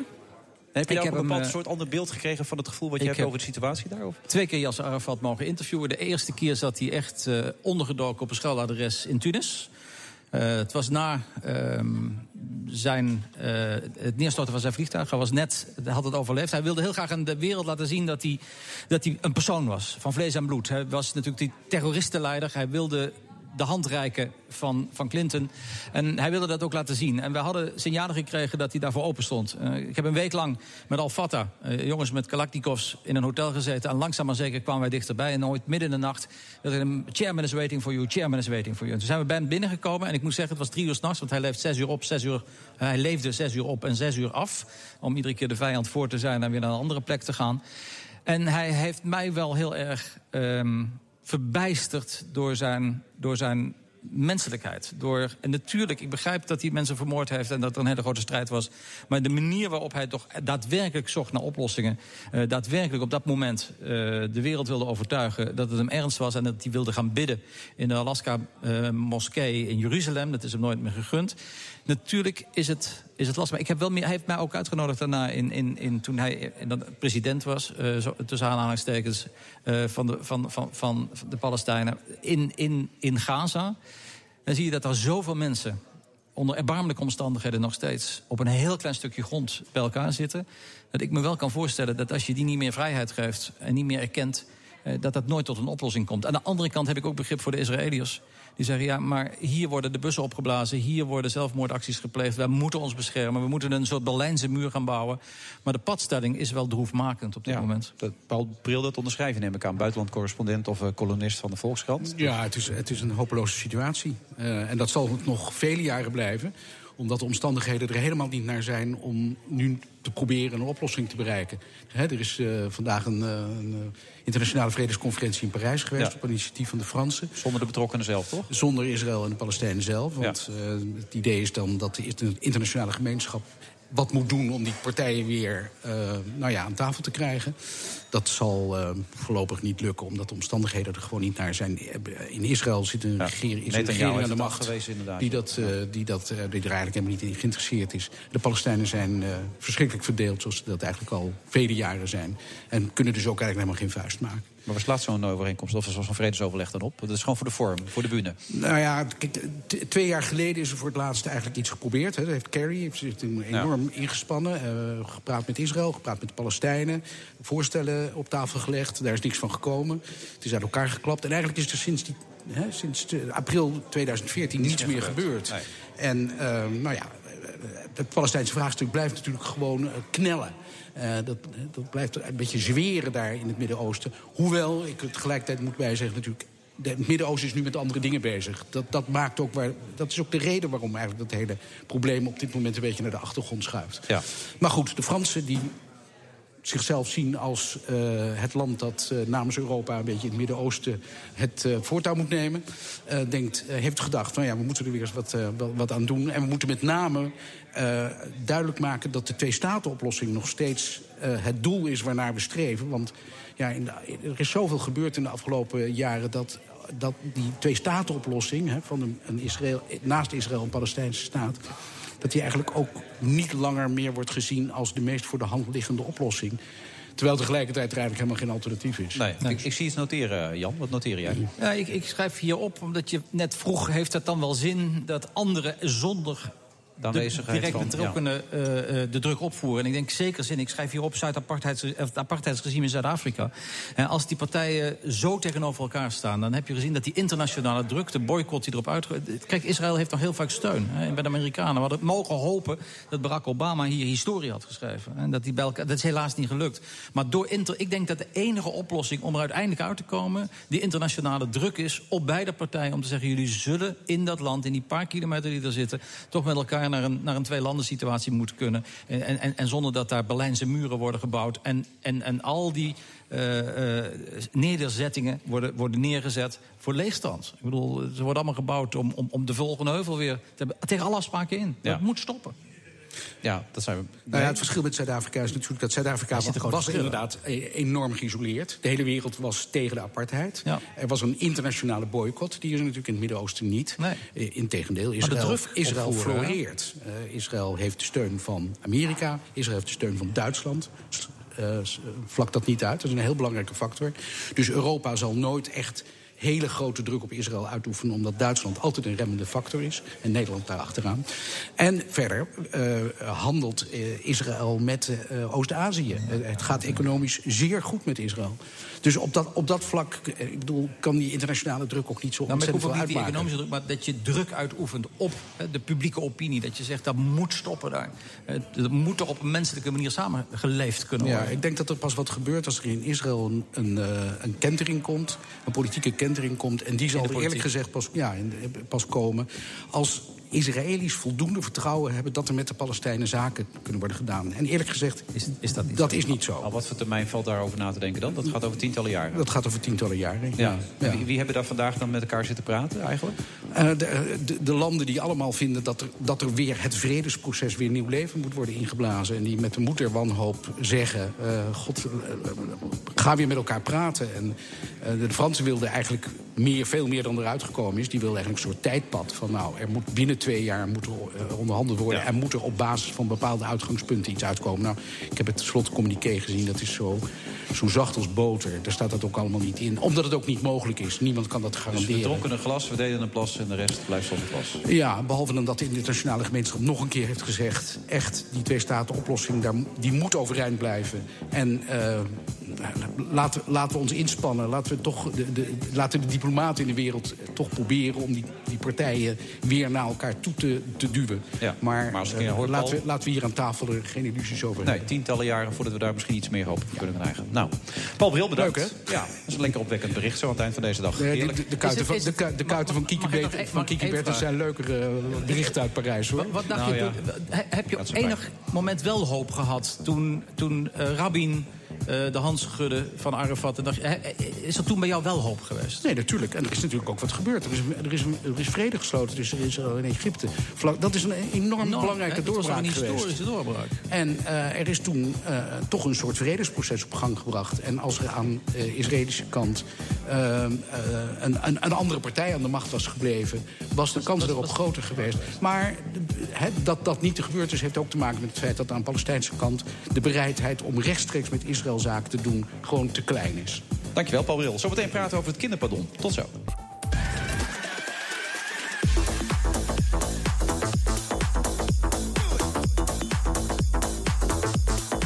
U luistert naar Move van vrijdag 3 juni. We zitten vandaag in Bodegraven, speciaal event. Hier eh I3 Top On Air.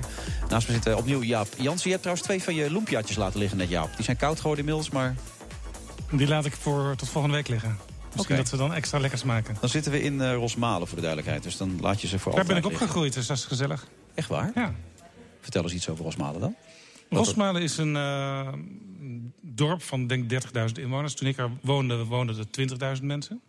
Het ligt naast Den Bosch. Daar Zo dat jij school wegging, zijn er veel mensen gelijk naartoe gegaan. Ja, daarna kwamen ze allemaal in ma- kwamen ze er naartoe. Ja, nou ja, heel duidelijk. En naast mij ook nog steeds eh, Jan Driessen, ooit eh, adviseur van eh, Mark Rutte en de VVD. We gaan het nu hebben over de PvdA. Hoe staat de PvdA er volgens voor jou? Eh, onterecht veel te laag. Onterecht veel te laag? Onterecht veel te laag. Ik vind Je zoekt coalitie, hoor ik. Ja, Ga nee, door. zeker. Nee? Eh, en ik vind ook dat daar ook intern veel te weinig ehm, eh, waardering voor is. Ehm, voor elkaar. En voor deze, de PvdA heeft in ongelooflijk lastige omstandigheden verantwoordelijkheid genomen om Nederland weer te herstellen van wat er gebeurd was. De PvdA heeft samen met de VVD het meest ingrijpende hervormingskabinet ooit vormgegeven. We zijn van de achterste wagon naar de voorste wagon in Europa gegaan. We hebben hele grote zaken. We hebben Nederland samen, de PvdA en de VVD, toekomstbestendig gemaakt. Moet je je voorstellen wat dat betekent. Dit, is, dit is voor. Eindelijk hebben twee regeringspartijen verantwoordelijkheid genomen. Niet voor de eigen periode, maar voor de tientallen jaren die Nederland nog gaan volgen. En, en dan zie je dat binnen de PvdA er wat zuurig over wordt gedaan. Mag het een onsje meer zijn, dan mag het hier een onsje meer zijn. En dat was net niet goed genoeg. Dan zitten ze alleen maar ziekeneuren bij elkaar. VVD viert dan een lang feest. En, eh, eh, dat is dan een beeldvorming, eh, Jaap, die ontstaat. Maar ik vind echt dat de PvdA op dit moment... en ehm, eh, ook hun leiders... Ja, er onvoldoende credits voor krijgen. En dat is veel te laag staan. Esther van Dijken, fractieassistente van de PvdA in Winsten. Dat zijn eh, mooie klanken, toch? Uit de mond van eh, Jan Driessen, of niet? Nou, dat ben ik helemaal eh, met hem eens. Eh, we stonden natuurlijk voor een eh, best hele lastige opgave. Ja. En het waren twee dingen heel duidelijk toen de verkiezingsuitslag er was. En dat was dat wij, de VVD en de Partij van de Arbeid, eh, de grootste waren. En eh, inderdaad eh, moed getoond hebben om het samen eh, te gaan doen. Maar je hebt er zelf ook een beetje rotzootje van gemaakt. Hè? Want bij die partij van jullie is het altijd een beetje hommeles natuurlijk. Ook. Nou, dat- Jawel, dat- dat nou. maar een beetje over straat met elkaar en zo. Hè? Ja, daar zijn wij eh, soms wel heel goed in. Ja. Ja, En hoe zou dat klopt. anders kunnen worden dan? Wat zou eraan moeten gebeuren? Samson Nou, weg misschien? Ja, ik zou het heel jammer vinden als Samson eh, weg zou moeten. Eh, want leiderschap heeft ook tijd nodig. En één ding is duidelijk geworden de eh, vorige campagne. De, eh, Diederik Samson is een campaigner van ongekend formaat. Dus als die nou eens gesteund wordt door de toppers in zijn partij... in plaats van dat langzaam aan die poten gezaagd wordt... dan, dan, dan zou je een heel andere situatie hebben. Als je het ook bij de VVD bekijkt... Mark Rutte was helemaal niet zo goed toen hij begon. Hè, daar, is, daar, is, daar is toen naar gekeken, ook van verschillende kanten... en er werd gezegd, kan die dat wel aan? Ja. Is dat niet, Maar is toen het kwam jij erbij en toen- Nee, dat is niet zo. Dat waren, we hebben met z'n allen gesteund. Dat heeft tijd van leven nodig. En hij is weer gaan vechten voor dat geheel. Als, als Diederik Samson de kracht, de energie, de vechtlust kan eh, opbrengen... om voor die campagne te gaan... eh, dan, moeten, dan moeten de Lodewijk Asscher naast hem gaan staan... En, en hem voortduwen in plaats van hem te bestrijden. Maar daar, er zal wel een leiderschapswissel komen. En dan, dan, dan, Ja, dan- dat denk je? Dat denk ik. Esther, denk je dat ook? Het PvdA eigen. Ja, ik, ik, ik weet het eerlijk gezegd nog niet. Ik ben daar zelf ook helemaal niet mee bezig. Ik vind die, die strijd die gaan wij in oktober aan. Wat en vind, dan je dat, wat vind jij dat er moet gebeuren? Over de positie van Diederik Samson bedoel je? Ja, als hij de handen erop voor op elkaar krijgt om onze partij nog Steun vier je jaar te leiden, dan zal ik hem steunen. Ja. Maar dan Ja. zal ik hem steunen. Ja. Het is Je allemaal zo steunt hem inge... niet. Je Ja. steunt hem niet vol, volwaardig, hè? Volle, volle 100 procent. Je zegt, jongens, kom op. Is het de meest geschikte leider op dit moment voor de PvdA? Ik denk op dit moment dat hij de meest geschikte leider is. Waarom? En of dat misschien eh, in de toekomst anders moet, daar, eh, die discussie moeten wij nog maar eens... eh, Je gaat het lekker uit de weg, Esther. merk ik. Ja. Je- Je wilt hier ook over Ja, praten over ik- het kinderpardon. Ik, spreek in, de- ja, ik ben hier natuurlijk speciaal naartoe gekomen voor het kinderpardon. Ja, morgen ga je... Diederik Samson moet het wel andere- zelf willen. Ja, dat is als, belangrijk, als hij dat niet wil, dan houdt het natuurlijk op. Morgen een motie. Wat houdt die precies in? Eh, Ga je op de, op de vergadering bespreken, toch? Begrijp ik? Ja, morgen hebben wij een politieke ledenraad weer van de Partij van de Arbeid. En daar ga ik weer een motie indienen om eh, mijn motie... eh, die ik 13 februari op het partijcongres heb ingediend... en aangenomen is, eh, spoedig en hoog op de politieke agenda te zetten. Ja. En daar is tot dusver niets mee gedaan. Nee, want, En ik wil daar graag voor het zomerreces... hoe duidelijk zit dat precies? Ja, maar er- er was toch in het verleden ook al van alles mee aan de hand? En daar zouden ze wat mee doen en zo? Ja, er is natuurlijk een enorm eh, gedoe geweest, ook tussen de Partij van de Arbeid en, en VVD, over het kinderpardon. Uiteindelijk hebben ze daar een, compromis over gesloten. En eh Diederik Samsom, die heb ik deze week nog gesproken, die zegt daarover dat eh, het compromis wat we gesloten hebben met de VVD, dat gaat verder dan wij in ons eigen verkiezingsprogramma hadden staan. We hebben ooit als Partij van de Arbeid initiatiefwet ingediend, zegt Samsom. Eh, die was minder vergaand. En ondertussen kijken we ook naar de toekomst, zegt de Partij van de Arbeid. Ehm, GroenLinks heeft een initiatief genomen en daar zijn wij ook voor. En dat wil zeggen dat in de toekomst het belang van het kind bij nieuwe asielgevallen, moet ik, dat moet ik er wel bij zeggen, nieuwe asielgevallen, eh, meteen ook door de rechter zwaar moet worden eh, meegewogen. We stellen eh, vaak vragen over de uitwerking van dit pardon. Maar als je met de Partij van de Arbeid top praat, dan, dan hoor je wel... ja, dit hebben we afgesproken. En eh, er zijn een aantal criteria. En die criteria, daar wordt heel scherp naar gekeken. Dat zijn best wel lastige criteria. Want ehm, als bijvoorbeeld ouders eh, bepaalde dingen wel of niet hebben gedaan... Ja, dan kan dat betekenen dat ze bijvoorbeeld al niet in aanmerking komen... eh, voor dat kinderpardon. Diederik Samsom die zei deze week dit tegen mij. Het criterium waarop je hier mocht blijven was in de initiatiefwet van onszelf veel strenger gesteld dan die nu uitpakt.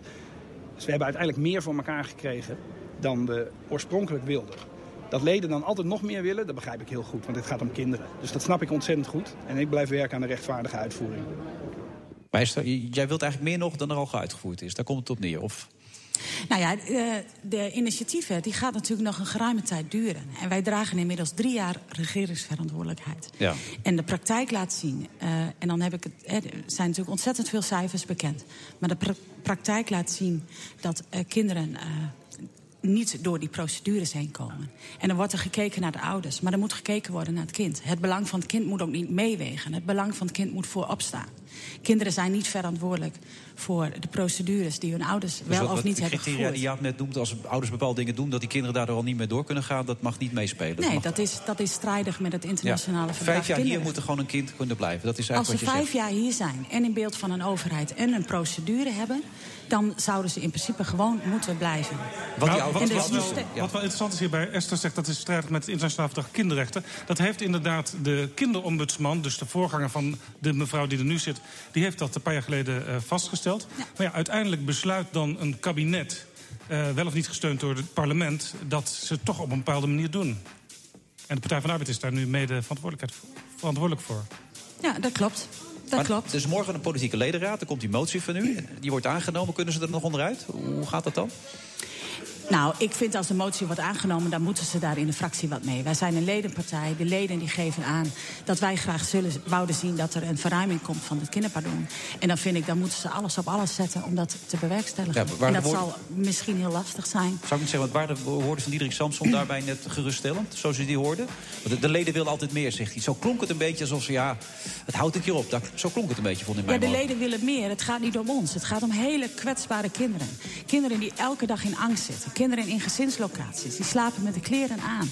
Omdat je nooit weet of het busje morgen voor jou komt of voor het buurjongetje. Ja.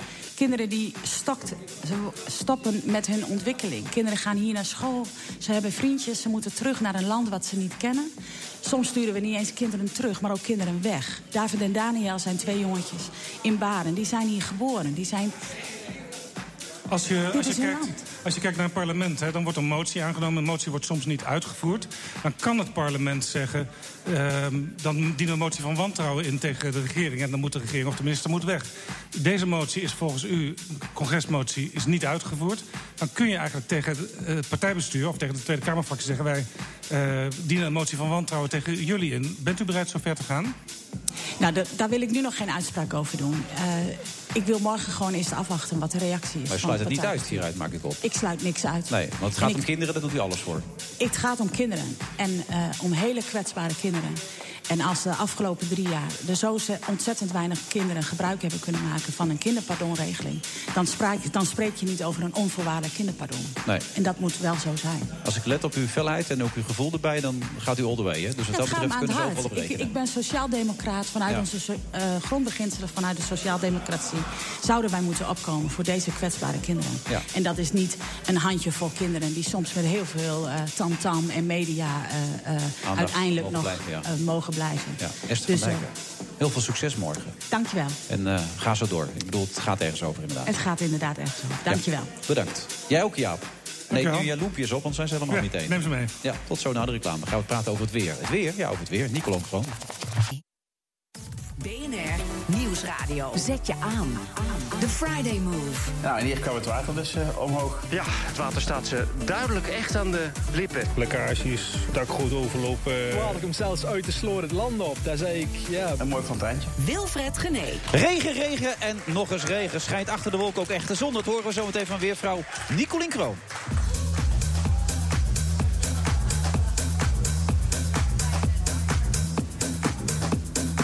Het is hier nog steeds afgeladen vol. Bij de speciale uitzending van de Friday Move van de I3-groep On Air. Ja, dames en heren, laat u even horen. Ja, het is echt ongelooflijk. En de beats zijn nog steeds van DJ Thomas Robson.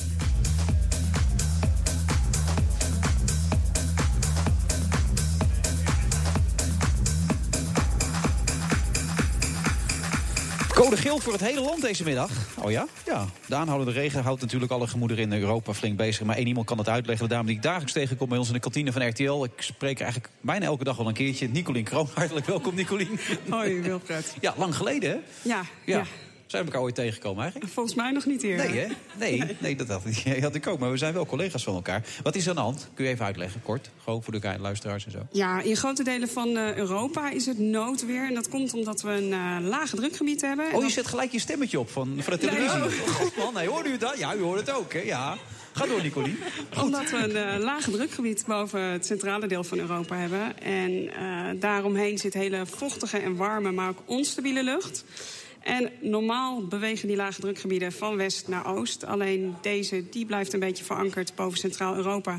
En daardoor ontstaan er elke dag opnieuw van die pittige regen- en onweersbuien. Maar waarom blijft die hangen dan? Is daar een reden voor of is dat niet te verklaren? Nee, jawel, dat is ook wel te verklaren. Dan ligt er ergens een hoge drukgebied geblokkeerd. En dat noemen we dan een blokkade. En die zorgt er eigenlijk voor dat die stroming van west naar oost eh, tijdelijk geblokkeerd is. Alleen dat duurt nu inmiddels al een aantal dagen. Maar als ik een blokkade in mijn hoofd of in mijn keel heb, dan neem ik een aspirintje en dan is hij weer weg. Maar daar kunnen wij helemaal geen invloed op uitoefenen, begrijp ik? Nee, tot op heden kunnen we nog steeds geen invloed... eh, Komt er een moment dat we daar invloed op kunnen uitoefenen? eh, ik denk het niet. Al weet ik wel dat in sommige landen schiet ze soms, eh, ik geloof, zilver, jodide de lucht in om buien te voorkomen. Maar meer invloeden hebben we nog Nee, niet. want jij hebt bij het leger gezeten toch ook? Ook nog, Daar ja. kon je ook geen verschil maken met het weer en zo. Dat maakt allemaal niet uit. Ook daar de- verwachten we het alleen en kunnen we het niet veranderen. Oké. Hoe kan dat eigenlijk dat je bij het leger zat? Want dat hoor ik namelijk net van de redactie. Vind ik zo leuk om te horen. Wat deed je daar precies dan? Daar was ik ook meteoroloog. Ja. Ja. Hoe kom je in het leger terecht dan?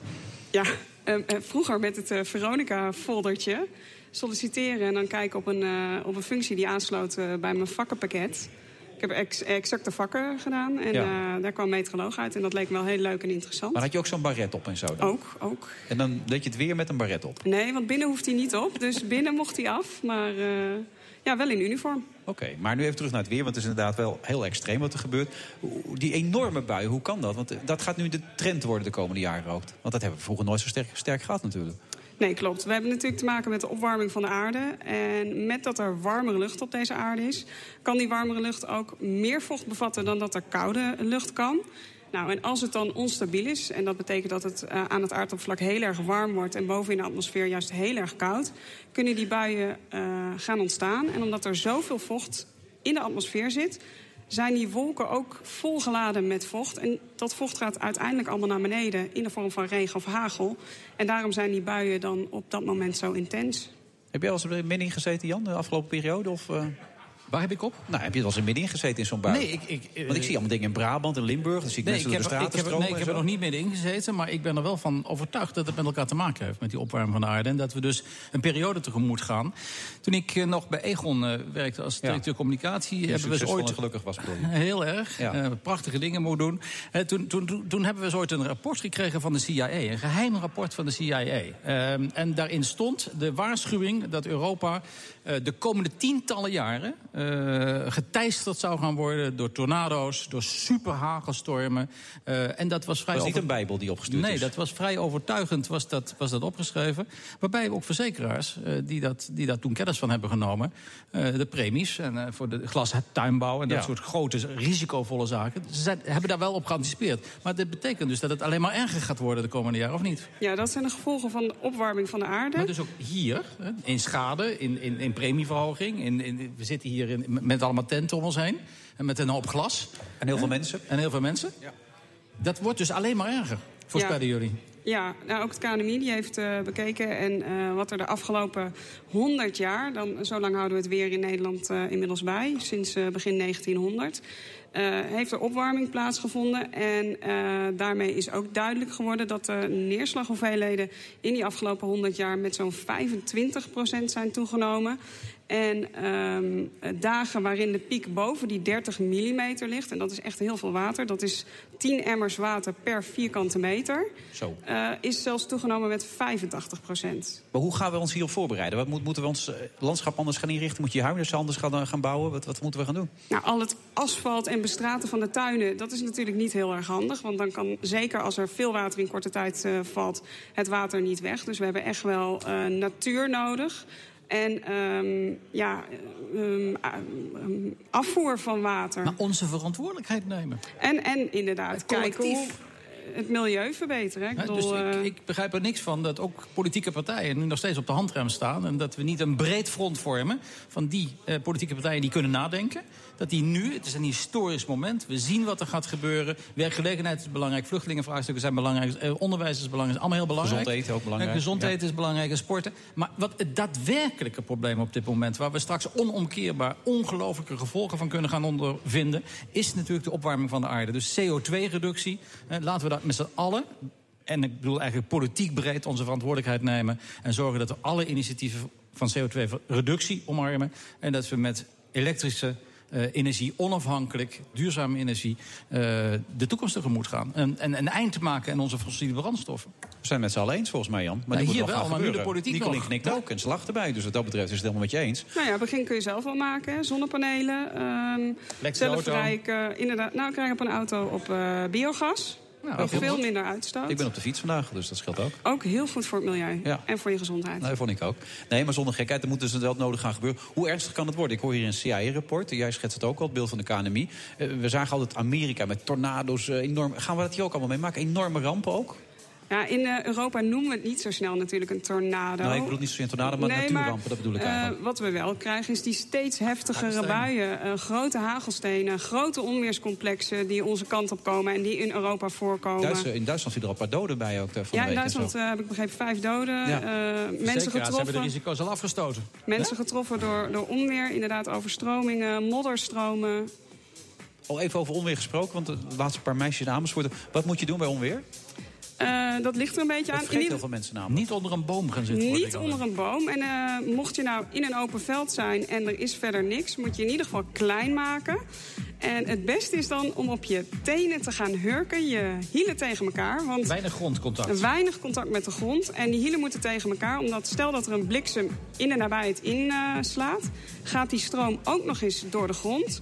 En als je dus zo weinig mogelijk oppervlak hebt, dan gaat die stroom alleen maar eigenlijk door je voeten. En heb je dus de minste schade. Eh, van de week in Duitsland en in Frankrijk kinderen die dat niet hebben gedaan... en Ja. die dus last hebben van hartritmestoornissen. Ze kunnen het nog navertellen, maar... Ja, nee, maar dit zijn echt serieuze zaken aan het worden. Ja. Ik bedoel, hier maken we geen grappen meer over. Vroeger dacht je nou, dat Kies allemaal een wel issue. Ja, krijgen we ook zon trouwens binnenkort, uh, Nicolien, om het even leuk te maken. Nou, het wordt een prachtig weekend. Ja? Eh, ja. Morgen nog een enkele bui in het zuiden en zuidoosten. Kan ook onweer bij zitten. Uh, maar het wordt wel een graad of 26. En in het oosten zelfs nog wat warmer. En zondag alleen langs de zuidgrens een enkel buitje. En voor de rest Nou, dat vind ik ja, even lekker. dit. zomers. In de tuin Eind- zitten. morgen. eindelijk Tegen- zomer. Ik wou Ja. zeggen, misschien wel bijna 30 graden langs de oostgrens. Ja, 8,29. Nicolien, je maakt ons toch wel een klein beetje Enorm vrolijk. blij. Ondanks Dus al die prima weekend die ons gaat overvallen binnen de komende kort al die jaren. En binnenkort weer in de kantine. We zien elkaar weer. Hè? Wie weet. Ja, gezond eten, een stukje sla erbij en zo. Heerlijk Heerlijk. allemaal. Waar wordt steeds interessanter. Ja, bedankt Nicolien. We gaan nog even door met Jan Driessen in de absolute slotfase van deze uitzending bij dit fantastische evenement hier in Bodegraven. Tot zo.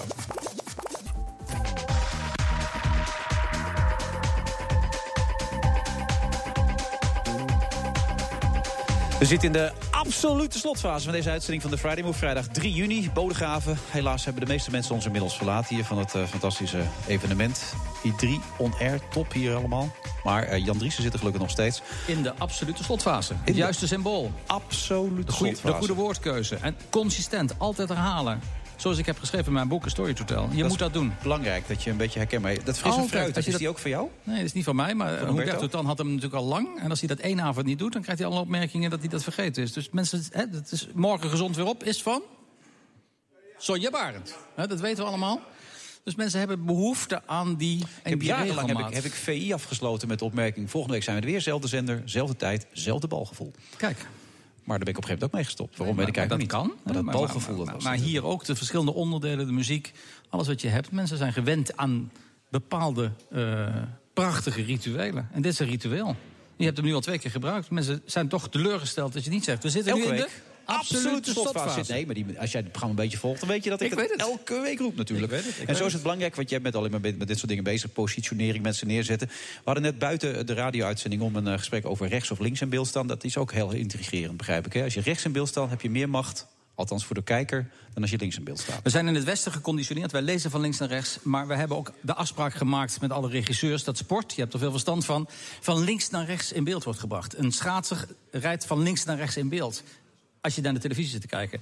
Eh, dat doen we met autoraces, dat doen we met hardlopen... dat doen we eh, met, eh, met, met wielrennen. We kunnen dat ook aan de andere kant de camera's neerzetten... en dan gaan ze de andere kant op. Dus we, hebben, we lezen zo, we zijn geconditioneerd... De, het verleden zit links, de toekomst zit rechts. De politieke macht weet dat heel goed. Toen ik voor Den Haag Vandaag en de NOS de verkiezingscampagnes mee mocht vormgeven... waren alle campagneleiders streden erom om hun politieke kandidaat rechts in beeld te krijgen. Dus links zittend, maar rechts in beeld. Voor de kijker rechts. Je ziet dat alle talkshow-hosts in, eh, voor de, de late night shows in Amerika... die zitten altijd rechts. En de gasten zitten altijd links en iets, iets, iets, iets lager in beeld. De macht, de toekomst zit rechts in beeld.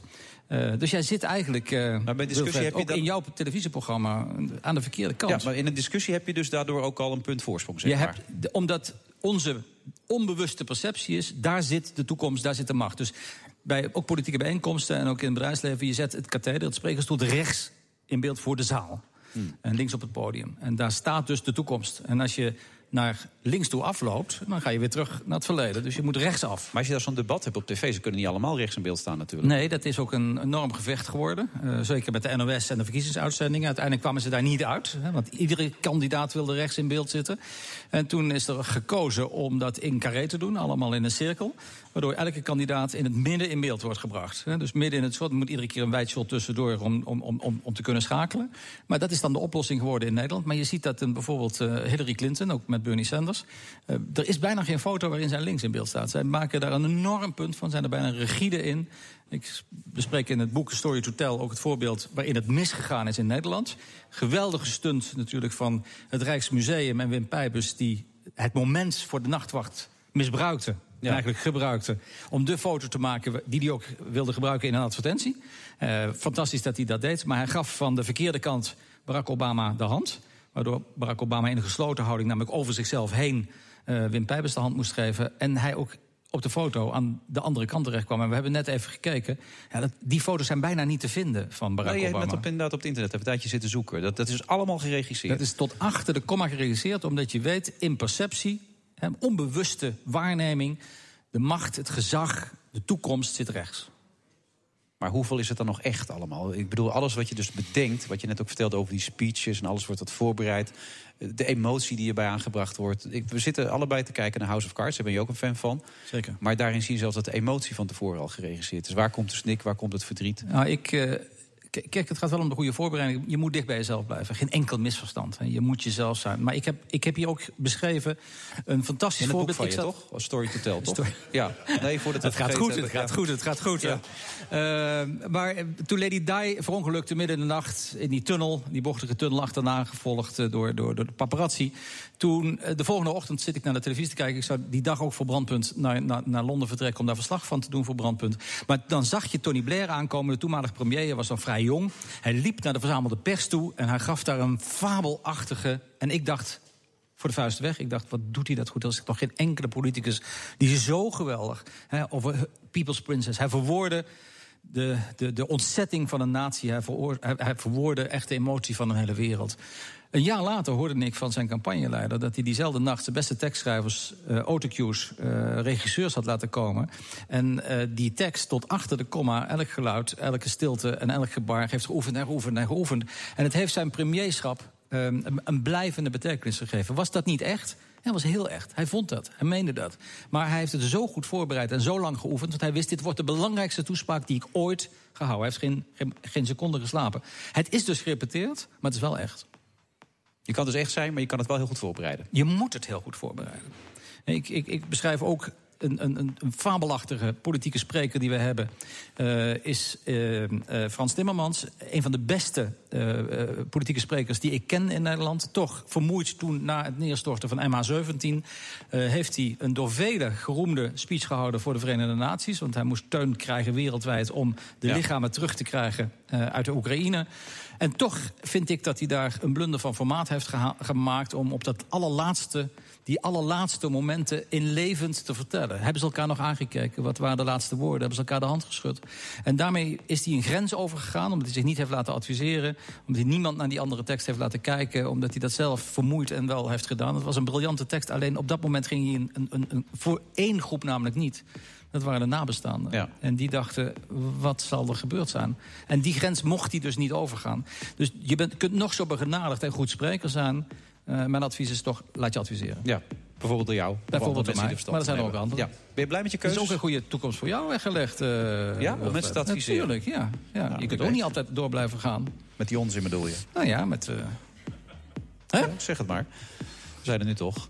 Het is afgelopen bovendien in deze absolute slotfase. Eh, Ik vond het leuk, Ben je, ben je gelukkig je. met de keuze die je gemaakt Ja, hebt wat dat betreft? ja, ja, De drie jaar geleden die je gestopt bent en nu... of Ik was jaar, journalist, daarna dat nog lang eh, is Masters Voice. eh, de vrijheid is terug. Eh, en dat is iets wat eh, niet te betalen valt. Nou, mooie woorden aan het eind van deze uitzending. Jan Driessen, bedankt daarvoor. Volgende gedaan. week zijn we er weer zitten we bij de Rico eh, Open in Rosmalen. Kiki Bertens doet dan ook mee, toch? Of niet? Of doet hij niet mee? Ja, die doet ook mee. Nou, dan gaan we Kiki proberen even voor de microfoon te krijgen. Toppetje is dat. En tot zover deze uitzending hier vanuit Rosmalen. Volgende week... Nee, niet vanuit Rosmalen. Volgende week in Rosmalen. Nu in Bodegraven. Tot dan. Lekkages, dakgoot overlopen. eh, Maar ik voel wel dat we hier ja, iets moeten. Het is onbevredigend gewoon. Het is, het is onlogisch, het is onbevredigend. Kelders onderlopen, gaasomroer. Echt, eh, alle vari- varianten komen voorbij. Ja, dan ligt het dus toch aan het ontwerp van die brug en dan moet er naar gekeken worden. En vervolgens kunnen we meten of dat brein verbaasd reageert, als het ware. Ja, het water staat ze duidelijk echt aan de lippen. En voor een dubbeltje op de eerste rang lever je hier geen oplossingen. Het is inspiratie, eh, maar ook niet meer dan dat. Eh, Dus wordt het tijd dat de Nederlandse regering eens heel hard aan de bel gaat trekken in Amerika. Nou, en hier kwam het water dus eh, omhoog. Een mooi fonteintje. En niet een onschuldig iemand de hele tijd staande houdt omdat hij toevallig een goede auto heeft. Een aantal collega's van mij zijn daar in het park gaan zoeken. En vonden op een gegeven moment iemand die voldeed aan het opgegeven signalement. Dan eh, vragen we ze in te loggen op het eh, digitale loket. En dat gaat met DigiD, dus dat is hartstikke beveiligd. Dat maakt het zo bijzonder en dat maakt het ook zo moeilijk dat de Nederlander dat niet 1, 2, 3 in de vingers heeft. Gaan we de wateroverlast te lijf. Because the truth is, it is not we who have changed, it is the EU. Nou, er is helemaal geen vacature. Noordweer was een paar dagen geleden afgekondigd. Ja, ze hadden misschien wel maatregelen kunnen treffen. Maar ik voel wel dat we hier ja, iets moeten. Het is onbevredigend gewoon. Het is, het is onlogisch, het is onbevredigend. Dus wordt het tijd dat de Nederlandse regering eens heel hard aan de bel gaat trekken in Amerika. Nou, en hier kwam het water dus eh, omhoog. Een mooi fonteintje. Wat niet uitsluit dat je lokaal hevige, zware buien eh, kunt krijgen. En Lekkages, dakgoot overlopen, eh, kelders onderlopen, gaasomroer. het enige wat we weten is dat Kiki verschrikkelijk goed speelt op het ogenblik. De Friday Move wordt mede mogelijk gemaakt door Arend. Inrichters, we denken graag met u mee. Ook Bas van Werven vind je in de BNR-app. Ja, je kunt live naar mij en Iwan luisteren tijdens de ochtendspits. Je krijgt een melding van Breaking News. En niet alleen onze podcast Ochtendnieuws, maar alle BNR-podcasts vind je in de app. Download nu de gratis BNR-app en blijf scherp.